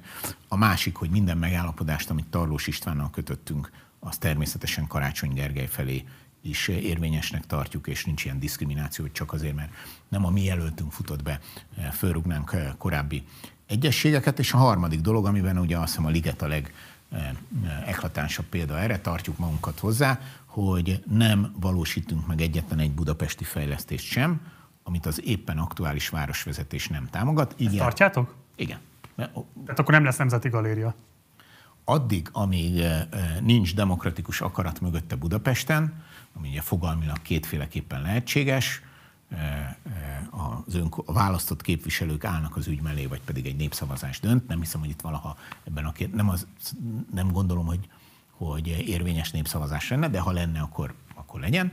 Tehát ha nincs demokratikus akarat emögött, akkor mi annak ellenére sem fogjuk ezt megépíteni, hogy én vitatom, és Budapest számára károsnak tartom a fővárosi önkormányzatnak, főpolgármesternek azt a döntését, hogy blokkolja, akadályozza a Nemzeti Galéria, egy gyerekszínház és még egy épület megépítését a Ligetben, mert egyetértek, számokat láttam be, én magam is a végére jártam, hogy a Ligetben mindenképpen több lenne a zöld, és egyébként konkrétan a Nemzeti Galéria, ami a legnagyobb mágnes erő, mágneses erővel bírna a ligetben, és a legtöbb hazai és külföldi látogatót vonzaná, egy egykori ipari csarnok és a Petőfi csarnok helyére épülne meg, tehát nem a zöld. Nem fog azt mondod addig, amíg a választói akarat... Nem, tartjuk, tartjuk magunkat addig, amíg nincs ennek Budapesten egyértelmű kifejezett támogatása, addig nem fogjuk megépíteni. Miért a Tarlós idején is így jártunk el, okay. amikor a Tarlós a Margit szigeten szerintem teljesen igaza volt. Én örültem neki. Megfúrta ott szó volt, hogy egy teniszcentrum épülne, és a Tarlós bejelentette, hogy ő ezt nem támogatja, akkor a, Ki Tarlós István vitatkozna azzal, hogy ez így volt az ő idejében, mert konkrétan egyébként a Liget Budapest projektet ő maga sem támogatta még a 2010-es évek elején, de most ebben nem menjünk fel, bele feltétlenül. Azt akarom csak megkérdezni, maga a Városliget ZRT, ami a Liget Budapest beruházás együttest kezeli, Miért nem vettétek át ezeket a projekteket ti, mint Budapesti Fejlesztési Központ? Miért kell egy kvázi harmadik kormányzati állami szereplő, aki koordinálja ezt az egész beruházás hát, együtt? Szerintem nincs olyan, aki mindenhez értene, meg vannak itt méret beli korlátok is, tehát a, nyilván egy vezetői, meg egy szervezetnek a figyelme is bizonyos mértékű ügyek áttekintésére, kézben tartására alkalmas. Az megint csak azt tudom mondani, hogy járjon bárki utána, az nemzetközileg eh, bevett dolog, nézzük meg a hamburgi kikötőfejlesztést, vagy más példákat, hogy egy városnegyed, vagy egy városrész fejlesztésére önálló csak azzal foglalkozó eh, állami tulajdonban lévő, vagy önkormányzati tulajdonban lévő részvénytársaságok jönnek létre. Ez történt a Városliget esetén is egy nagyon lehatárolható eh, területtel. A te megítélésed szerint az, ami a Városligetben zajlik, helytálló és helyese a közösség egész szempontjából, vagy pedig van benned kritika a lassan most már egyébként 7-8 éve tartó folyamattal kapcsolatban? Marci, azt meg kell erősítenem, hogy, és ezt talán mindenki megérti, hogy politikai oldalaktól függetlenül, ha az embernek a saját kormányzásával bármilyen ügyben kritikája van, akkor azt belül fogalmazza meg az a helyes, nem kifelé, de ezzel nem megkerülni akarom a választ. Azt akarom mondani, hogy akkor sem mondanám itt el, most ne haragudj, hogyha lenne, egyébként nincs. Tehát, hogy lehet, hogy lehet, nem, napi részletekben nem látok rá a munkára, de az, hogy önmagában az a gondolat, hogy megújuljon a Városliget, hogy ez úgy újuljon meg, hogy mindenképpen még a galéria meg egyebek megépítésével együtt is nőtt volna a zöld felület hogy a bánlacék azzal kezdték, hogy a nagy játszótér már működik, hogy sportpályák majd működnek, miközben az épületek még nincsenek befejezve. Ezt, ezt is helyesnek tartom. Építészeti, esztétikai kérdésekben mindig lehet vitatkozni. Azt szerintem, hogy megint csak jól csinálták, hogy nemzetközi építészpályázaton választották ki azokat a magyar nemzetközi zsűri volt, azokat a magyar meg külföldi tervezőket, akik mondjuk a Néprajzi Múzeumot vagy a Magyar Zeneházát eh, megtervezik. 2006-ban a Fidesz programjában azt Jobb szerepelt... hely lesz a liget, hogyha kész lesz. Jó, de hogy 2006-ban azt szerepelt a Fidesz programjában, hogy szakmai párbeszédet indítottak arról az elképzelésről, hogy a Hősök tere és a Városliget szomszédságában megépüljön-e egy új múzeumi negyed, ez elmaradt. Soha nem történt meg ez a fajta párbeszéd. Én fogom javasolni a Bálacinak, hogyha benned van ilyen indítatás, akkor álljon rendelkezésedre. Én azért úgy emlékszem, hogy... Többször keresték már egyébként hogy, korábbi filmekhez, nem nyilatkozott a hogy, hogy többször, hogy ott azért ez azzal indult, hát az egész döntések talán 12-13-ban születtek meg, hogy ott előtte mindenféle egyeztetések voltak mindig, ha egyeztetésbe kezd, tehát ez a kicsit a van rajta csapka, az a baj, nincs rajta, az a baj. Ha egyeztetsz, akkor mindig lesz valaki, aki úgy gondolja, hogy igen, volt egyeztetés, de ő kimarad belőle. Tehát én... Azt a monstrumot, ami biodomként híresült el a Városliget, szerintem felteszem, hogy te is láttad már több alkalommal. Nehéz nem észrevenni. Nehéz nem észrevenni. egy igen eklatáns példája annak, hogy ez a projekt milyen súlyos tervezetlenséggel, milyen kirívó menedzsmenti kapacitások hiánya mellett zajlott, zajlik jelenleg is. Se eleje, se vége, nincsen megtervezettsége, folyamat közben derül ki, hogy egyébként többszörösébe kerül, mint amit egyáltalán feltételeztek, nem lehet tudni, mennyibe fog kerülni az áramszámla, és itt tovább, és itt tovább. Szerintem mi lehetne a biodomnak a megnyugtató lezárása egy pandémia közepén, amikor minden egyes forintnak helye van, és nyilvánvalóan újabb milliárdokat ebbe a monstrumba beleölni, hát legalábbis kirívó felelőtlenség vágyát okkal veteti fel a lakosság szemében. Igen, nehéz dilemát teszel föl kérdésként, azzal, hogy azt azért azt hiszem, hogy te tudod, de talán, hogy minden néző is tudja, hogy ez egy olyan ügy, amit teljes egészében az állatkert, mint fővárosi intézmény Igen. intézett. A fővárosi önkormányzat, illetve az állatkert megkereste a kormányt, hogy van egy elképzelés a biodomról, ami önmagában egy jó elképzelés, és hogy ezt a kormány támogassa, mi csak pénzt utaltunk a fővárosi önkormányzatnak, és ez történik most is, és a mindenkori városvezetés feladata, hogy ezt rendbe tegye ezt az ügyet, ez Persányi Miklós egy személyi felelősség mellett zajlott, akit Karácsony Gergely elbocsátott. Az a nehéz dilema itt, hogy igazad van, hogy úgy tűnik, hogy ez félrement ez a dolog, és akkor most mit tegyen a, a köz, önkormányzat, kormány, pont egyeztetünk erről intenzíven, hogy benne van már mondjuk hat egység, és még kellene kettő, de igazad van, hogy most tényleg pandémia idején oda kellett tenni ezt a két egységet, vagy máshova, de ugyanakkor meg torzó maradt. Tehát, hogy most valameddig már elment, jóval kevesebbet, mint amennyi eddig e, e, belement, azt még ráköltsük, hogy megnyithasson, és az a végső elképzelés, hogy, hogy egy üvegbuborékban egy trópusi esőerdő van a budapesti állatkertben, trópusi növényzettel, állatvilággal, amit a családok, gyerekek, ide látogatók fölkereshetnek, ez megvalósuljon reménység szerint most már jól, kijavítva az eddigi hibákat, eh, vagy pedig ott maradjon egy torzó, amire 30 éve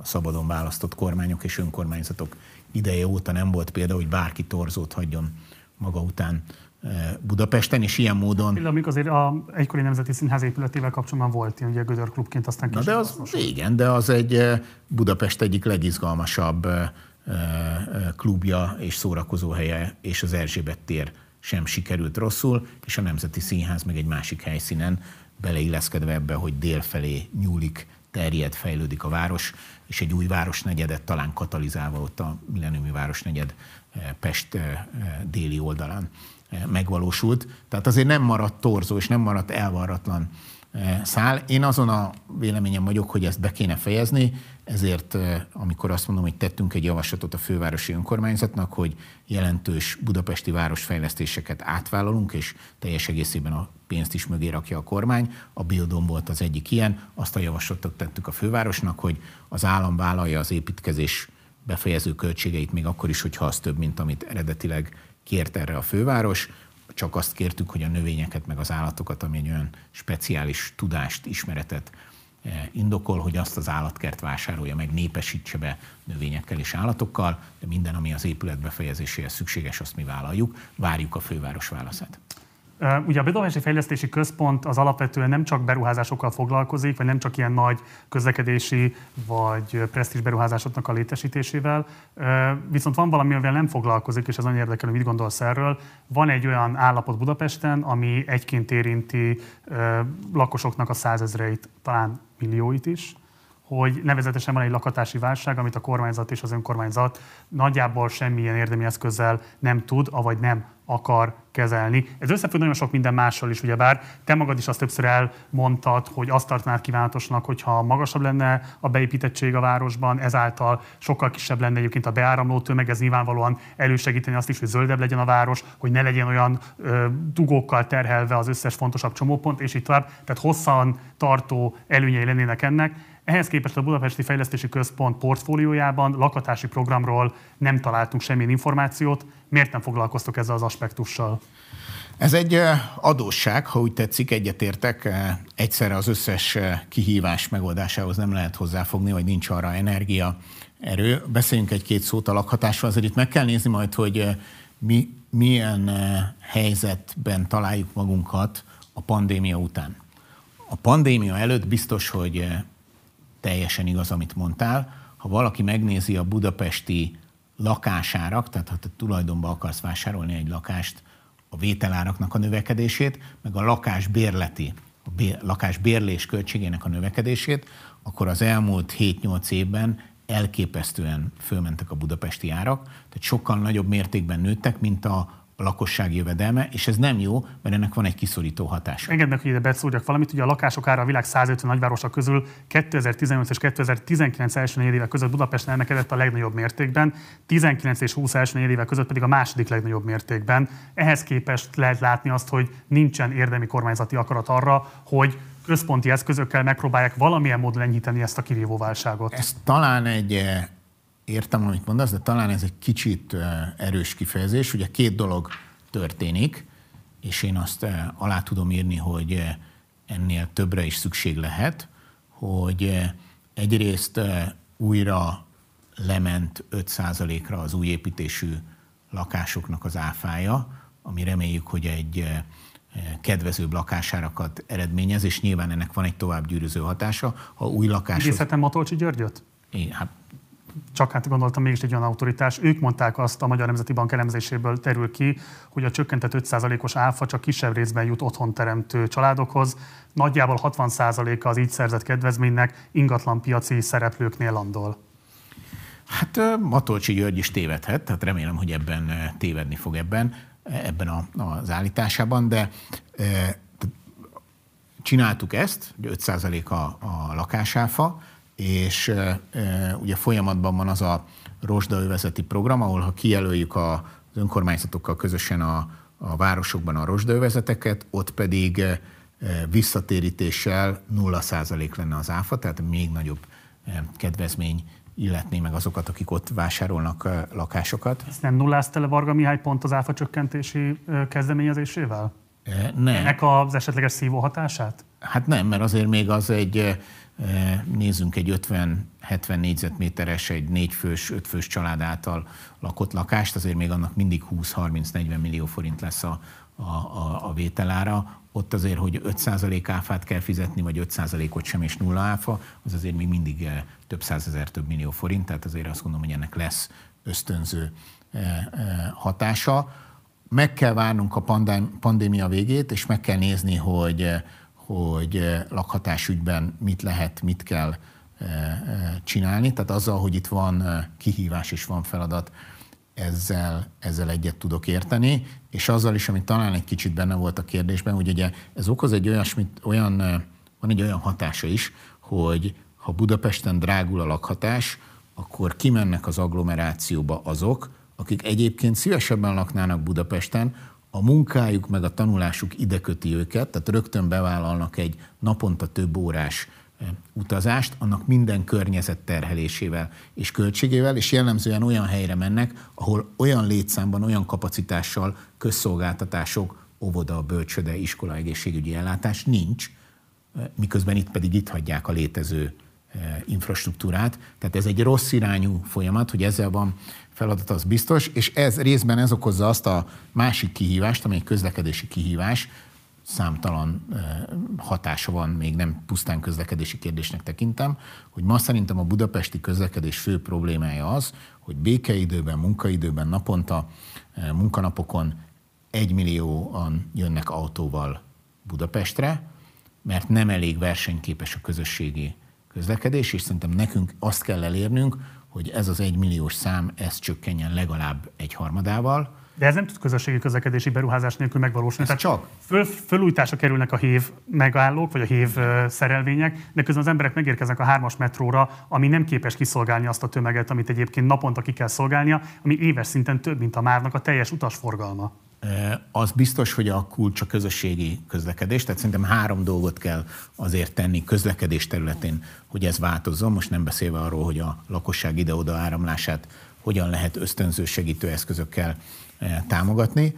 Az egyik, hogy biztos, hogy a közösségi közlekedés fejlesztését folytatni kell, és azért én itt, és a közösségi közlekedésen belül pedig egyértelműen a kötött pályás közlekedés a kulcs, a legkisebb környezetszennyezéssel, a legkisebb környezetterheléssel, a legnagyobb kapacitású, a legtöbb embernek tud segítséget nyújtani. Tehát a, én úgy érzem, hogy a metróval van még teendő, de pont a hármas metró esetében az számon lehet kérni Tarlós Istvánon meg a kormányon, hogy miért úgy valósult meg a felújítás, hogy nem lett benne légkondicionáló, de én jól emlékszem azokra a választási kampány jelenetekre, amikor fürdőköpenyben és törőközőben a karácsony kampánycsapat hőmérővel lement, és azt ígérték, hogy ha ők nyernek, akkor rögtön lesz légkondicionáló a, a metróban, és most jön a második vagy a harmadik nyár, amióta ők vannak, és légkondicionáló a hármas metróban sehol, zárójel bezárva, de az biztos, hogy az aranytartalék az az elővárosi vasút és a hév.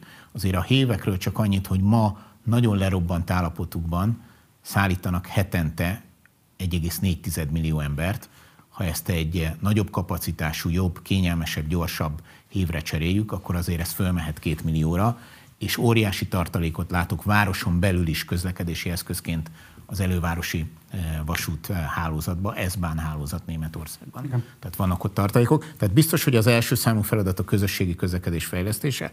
A második, eh, le kell folytatnunk a vitákat, de én ki fogok tartani, hogy a, igenis a, a külső körúti elemek, harántirányú utaknak a megépítése és a hiányzó északi és déli peremhíd, tehát az Akvinkumi híd és a Galvani híd, ami közvetlen kapcsolatot teremt külső városrészek között és a belváros tehermentesítését, forgalomcsillapítását segíti. És a harmadik dolog, ami nagyon hiányzik, ez egy régi feladat, nehéz, és visszamehetnénk, hogy hogy lettek privatizálva sok-sok évvel ezelőtt eh, MÁV meg BKV területek, hogy a nagy külső közlekedési csomópontokban, teljes Budapest tekintetében, meg elővárosok tekintetében P plusz R parkolókapacitások növelése, hogy a módváltás, az eszközváltás, hogy egy ideig bejön autóval, de ott tudja hadni biztonságosan az ember, és egy versenyképes közösségi közlekedésre átszállva már ne autóval jöjjön be a városmagba. Mindaz, amit mondtál, az ugye nem hat az ellen, hogy az emberek továbbra is kiköltöznek az agglomerációba, és a, a város csak mint munkahelyi vagy szabadidős tevékenység eltöltésére alkalmas területet használják. Miért nem indít a kormányzat ezekből az ezer milliárdokból, vagy ezekkel megfelelő nagyságrendben olyan lakhatási programot, ami növelné a szociális bérlakás szektort, akár ugye, hogy azt az első Orbán kormány megtette, hiszen ugye az a rendszerváltás utáni legnagyobb ilyen hatással rendelkező időszaka volt a magyar köztársaságnak. Miért nem a bérlakás szektor fejlesztésében mennek be ezek a pénzek? Miért ezekbe a projektekbe inkább, mint amiket az előbb megfogalmaztál? Hát a mindenféle kutatások társadalomtudományi intézetek, meg a KSH-nak a kutatásai azért azt egyértelműen mutatják, hogy a, a magyaroknak a, a prioritása az a lakás tulajdon. Tehát, hogy a kormány valóban elsősorban a tulajdonhoz jutás, illetve a jövedelmi helyzet javulását segíti. Lásd most azt, hogy ha a 18 és 25 év közötti korosztályok teljes személyi jövedelemadó mentességet kapnak, az nyilván azt jelenti, hogy a jövedelmük nagyobb részét költhetik például lakhatásra is. Tehát én azért az, hogy semmi nem történik, azt, azt nem tudnám elfogadni. A, tényleg várjuk meg itt a pandémia után, hogy néz ki a, a lakáspiac, a lakásárak, és lehet, hogy lesz még itt teendő. Másként kérdezem, te kívánatosnak tartanád de hogy az elővárosi közlekedésben látható állami szerepvállalás mértékének megfelelő mértékben lakhatási szektor, a lakhatás erősítése vagy segítése szempontjából fontos beruházásokban is ilyen szerepvállalást tanúsítson a magyar kormány? A szociális típusú bérlakásfejlesztés, azt szerintem jó van, hogy az önkormányzat feladata, és azért annak... annak az megy Magyarország állami szerepvállalás nélkül? Én nem hiszem, hogy a... Tehát én abban hiszek, hogy nem a szociális alapon kell, szociális bérlakások építését kell segíteni, hanem olyan gazdaságpolitikát, olyan jövedelemtámogató eszközöket kell folytatni, bevetni, ami lehetővé teszi a legtöbb embernek, hogy szabad döntéséből nem szociális gazd, alapon, hanem a saját munkájának a gyümölcseként béreljen vagy vásároljon lakást. 2014 konferencián úgy fogalmaztál, 2015-ben. A városvezetők legfontosabb küldetése az, hogy Budapestet élhetővé, szerethetővé tegyék a helyiek számára, akik prioritást kell, hogy élvezzenek a turistákkal és a külföldi kritikusokkal szemben. Te a magyar kormány tagjaként, kormánybiztosként, államtitkárként mit tettél azért, hogy Budapest ne csak a leggazdagabbak, a külföldi turisták, élsportolók, építőipari cégek, tehát a felső középosztálybeli elit, hanem a hétköznapi városhasználók, nyugdíjasok, diákok, kiskeresetűek számára is, is rendelkezzen ezekkel az ismérvekkel, amikről 2015-ben beszéltél. Ezt az egyik legfontosabb kérdésnek tartom, tehát itt eh, tényleg eh, beszéltünk nagyon nagy ügyekről is. Eh, szerintem az rendkívül fontos, hogy a, akik a várossal foglalkoznak, kormányzat, önkormányzat, azok igyekezzenek jó gazdái lenni, jó sáfárai a városnak, és mindig is a hétköznapi ügyek iránti alázattal és tisztelettel végezik a munkájukat. Azt tudom neked mondani, hogy azért abszolút ilyen típusú fejlesztés minden, ami a közösségi közlekedést erősíti.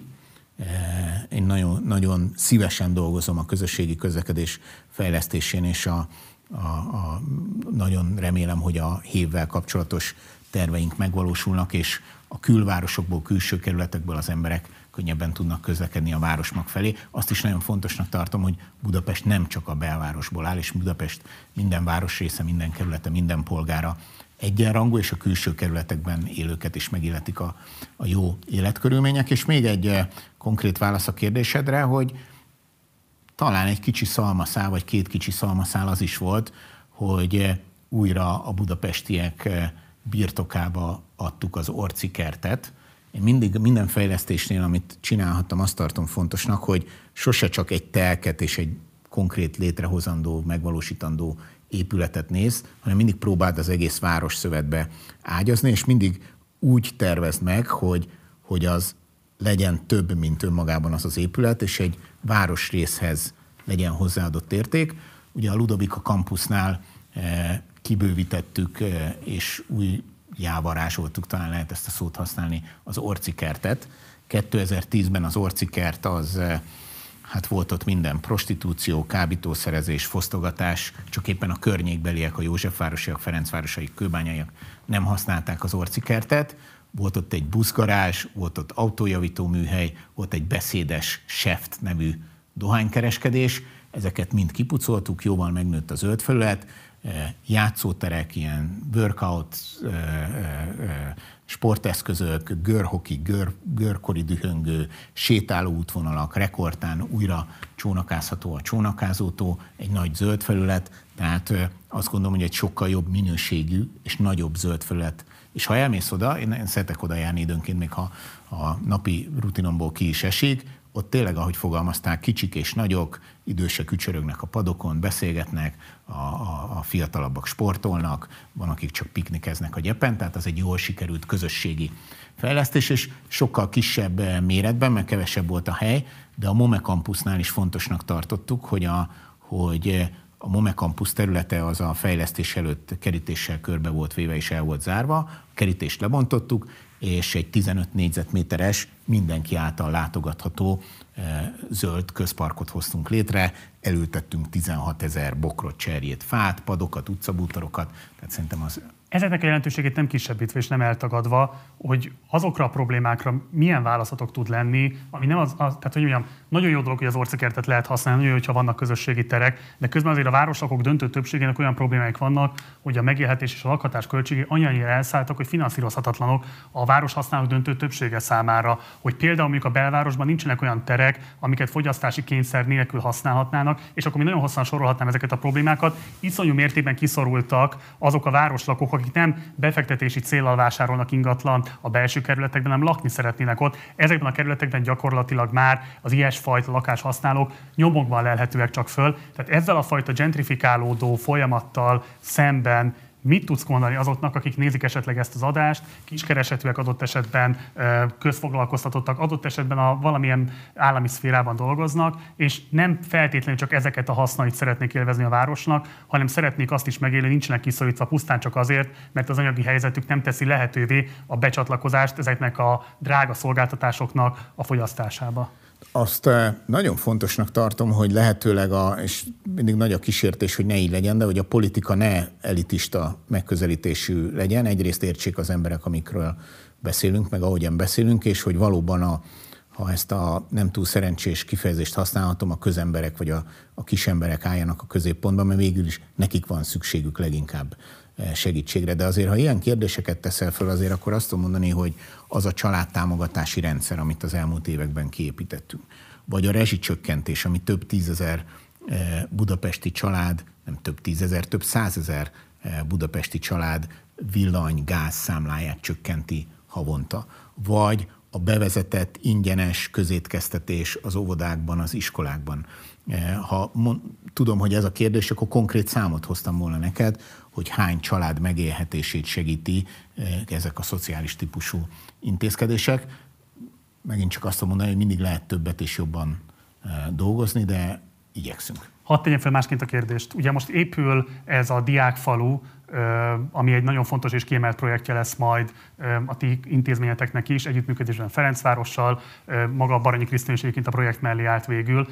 Itt például mondjuk olyan apartmanoknak a megépítésére vállalkoztok, ami a mesterterv alapján nagyjából ilyen 120 ezer forint havi bérleti keretösszeget határoz meg, ami nyilvánvalóan csak a magasabb jövedelmű diákok, külföldi diákok számára lesz majd megfizethető.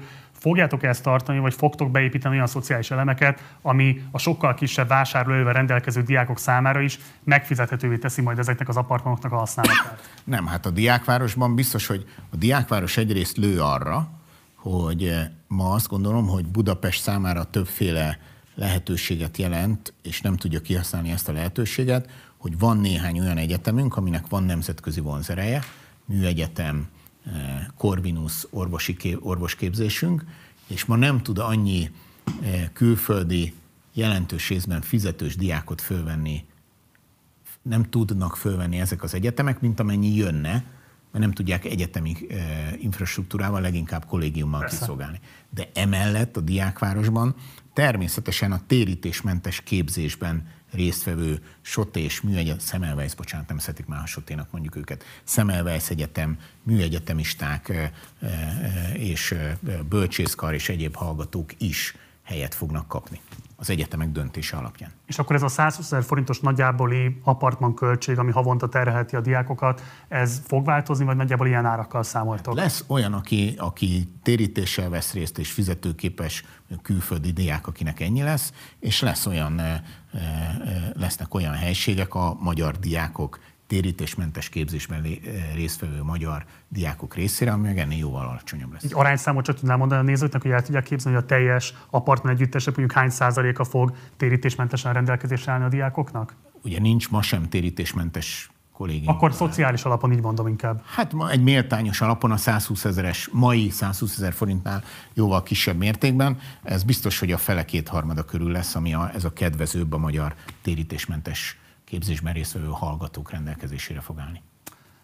Elmondtad, hogy ha leszel országgyűlési képviselőjelölt, akkor eljössz esetlegesen egy vitára, lesz olyan ellenlábasod. Egyetlen egy kérdés, leszel-e országgyűlési képviselőjelölt, és mikor fogsz hozni döntést ebben a kérdésben, ha most nem vagy hajlandó erre esetleg válaszolni? Hát még nem, nem tudok, mert nem született meg a, a, a, a döntés, mi történt és mi történik most.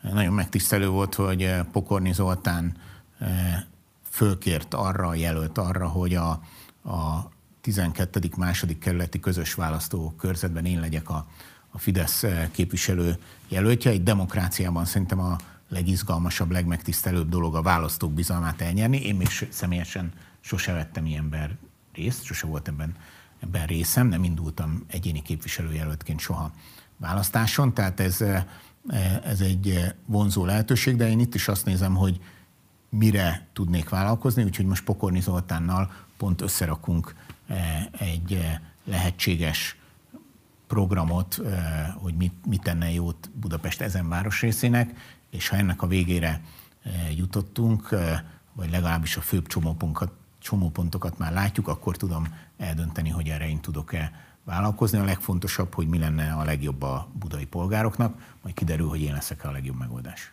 Balázs, nagyon túlnyúltunk az időnkön. Kérlek, tudd be ezt annak, hogy nagyon ritka fenomén egy kormányzati szereplő a mi stúdiónkban, és ezt a lelkesedésnek tud be, hogy nagyon sok kérdésünk van hozzád. Egyetlen kérdésem amit muszáj sajnos még föltem, és elnézést, hogy visszaélek az időddel, de ez nagyon fontos. Nekem személyesen is nagyon fontos, és ezzel szeretném zárni a beszélgetést. Um, és kérlek, hogy hidd el, hogy semmifajta támadás, vagy semmifajta számonkérés nincs benne. Én tényleg szeretném, hogyha ezt erről a dilemmáról néhány gondolatot meg tudnál osztani velem. Um, Szájer József ügyével kapcsolatban láttuk, amit láttunk, hallottunk, amit hallottunk. Most már talán vagyunk olyan távolságra tőle, hogy lehet róla beszélni egy picit elvonatkoztatva a napi párt aktualitásoktól. A te megítélésed szerint elkövetkezhet az a pillanat a magyar politikai jobboldal életében, amikor valaki, aki prominens tagja ennek a közösségnek, pusztán csak a szexuális orientációja miatt nem kényszerülhet olyasfajta kettős életvitelre, amire, és valószínűleg ez a tragédiája az ügynek, Szárja József évtizedeken keresztül rákényszerült. El tudod azt képzelni, hogy ahogyan például mondjuk a brit uh, toriknál, de más konzervatív pártokat is tudnék mondani, semmifajta megütközés nem kellett az, hogy vannak nem homoszexuális tagjaik, jelöltjeik, uh, képviselők, adott esetben minisztereik, tehát hogy ez egy bevett dolog, el tudod képzelni, hogy a magyarországi politikai jobboldal is eljut oda, hogy a nem heteroszexuális orientáció nem jelent bélyeget a közösségen belül. Azt nagyon, tehát eh, nagyon röviden azt tudom neked erre válaszolni, hogy ez most is úgy van, ahogy szeretnéd, hogy legyen. És én azt nagyon fontosnak tartom, hogy a szexuális orientációja az egy politikai közösségen belül senkinek se előnyt, se hátrányt ne jelentsen, és egyáltalán politikai döntéseknek ne legyen a tárgya. Tehát azt gondolod, hogy ma egy Fideszes tag, képviselő, bármilyen szereplője a közösségeteknek retorziók nélkül bátran fölvállalhatja a nem heteroszexuális orientációját? Igen, ez mindenkinek a szabad személyi döntése. Retorziók nélkül? Hát természetesen. Tehát nincs se ahhoz, hogy valaki, van rengeteg elvált ember, van családos ember, vannak, eh, nem szeretem ezt a kifejezést, szinglik, tehát egyedülállók, ez egyszerűen nem képezi a politikai diskurzus tárgyát. Fűrjes Balázs, nagyon szépen köszönöm, hogy jöttél hozzánk a stúdióba, és köszönöm, hogy ilyen hosszan rendelkezésünkre álltál. Köszönöm szépen a lehetőséget. Vidd a jó hírünket, ha tudod, vidd a jó hírünket, ha tudod, és kérlek, hogy motiválj esetleg más embereket is a közösségetekből, hogy bátran jöjjenek el hozzánk. Fontosnak tartom a párbeszédet, úgyhogy eh, rajta leszek.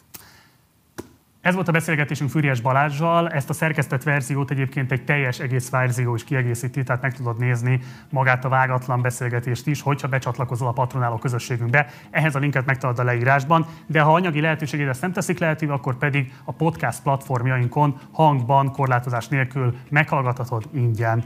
Mindenképpen iratkozz a csatornára, használd a like, illetve a dislike gombokat a véleményed kifejezésére, illetve a komment szekcióban várjuk a visszajelzésed, vagy ha van kérdésed, akkor azt. Van még egy Facebook oldalunk, illetve egy Facebook csoportunk is, utóbbinak Partizán társalgó a neve, oda is várunk, és akkor tudunk vitatkozni az éppen aktuális témákról. Munkatársaim nevében köszönöm szépen a figyelmet, hamarosan találkozunk, addig is, ciao.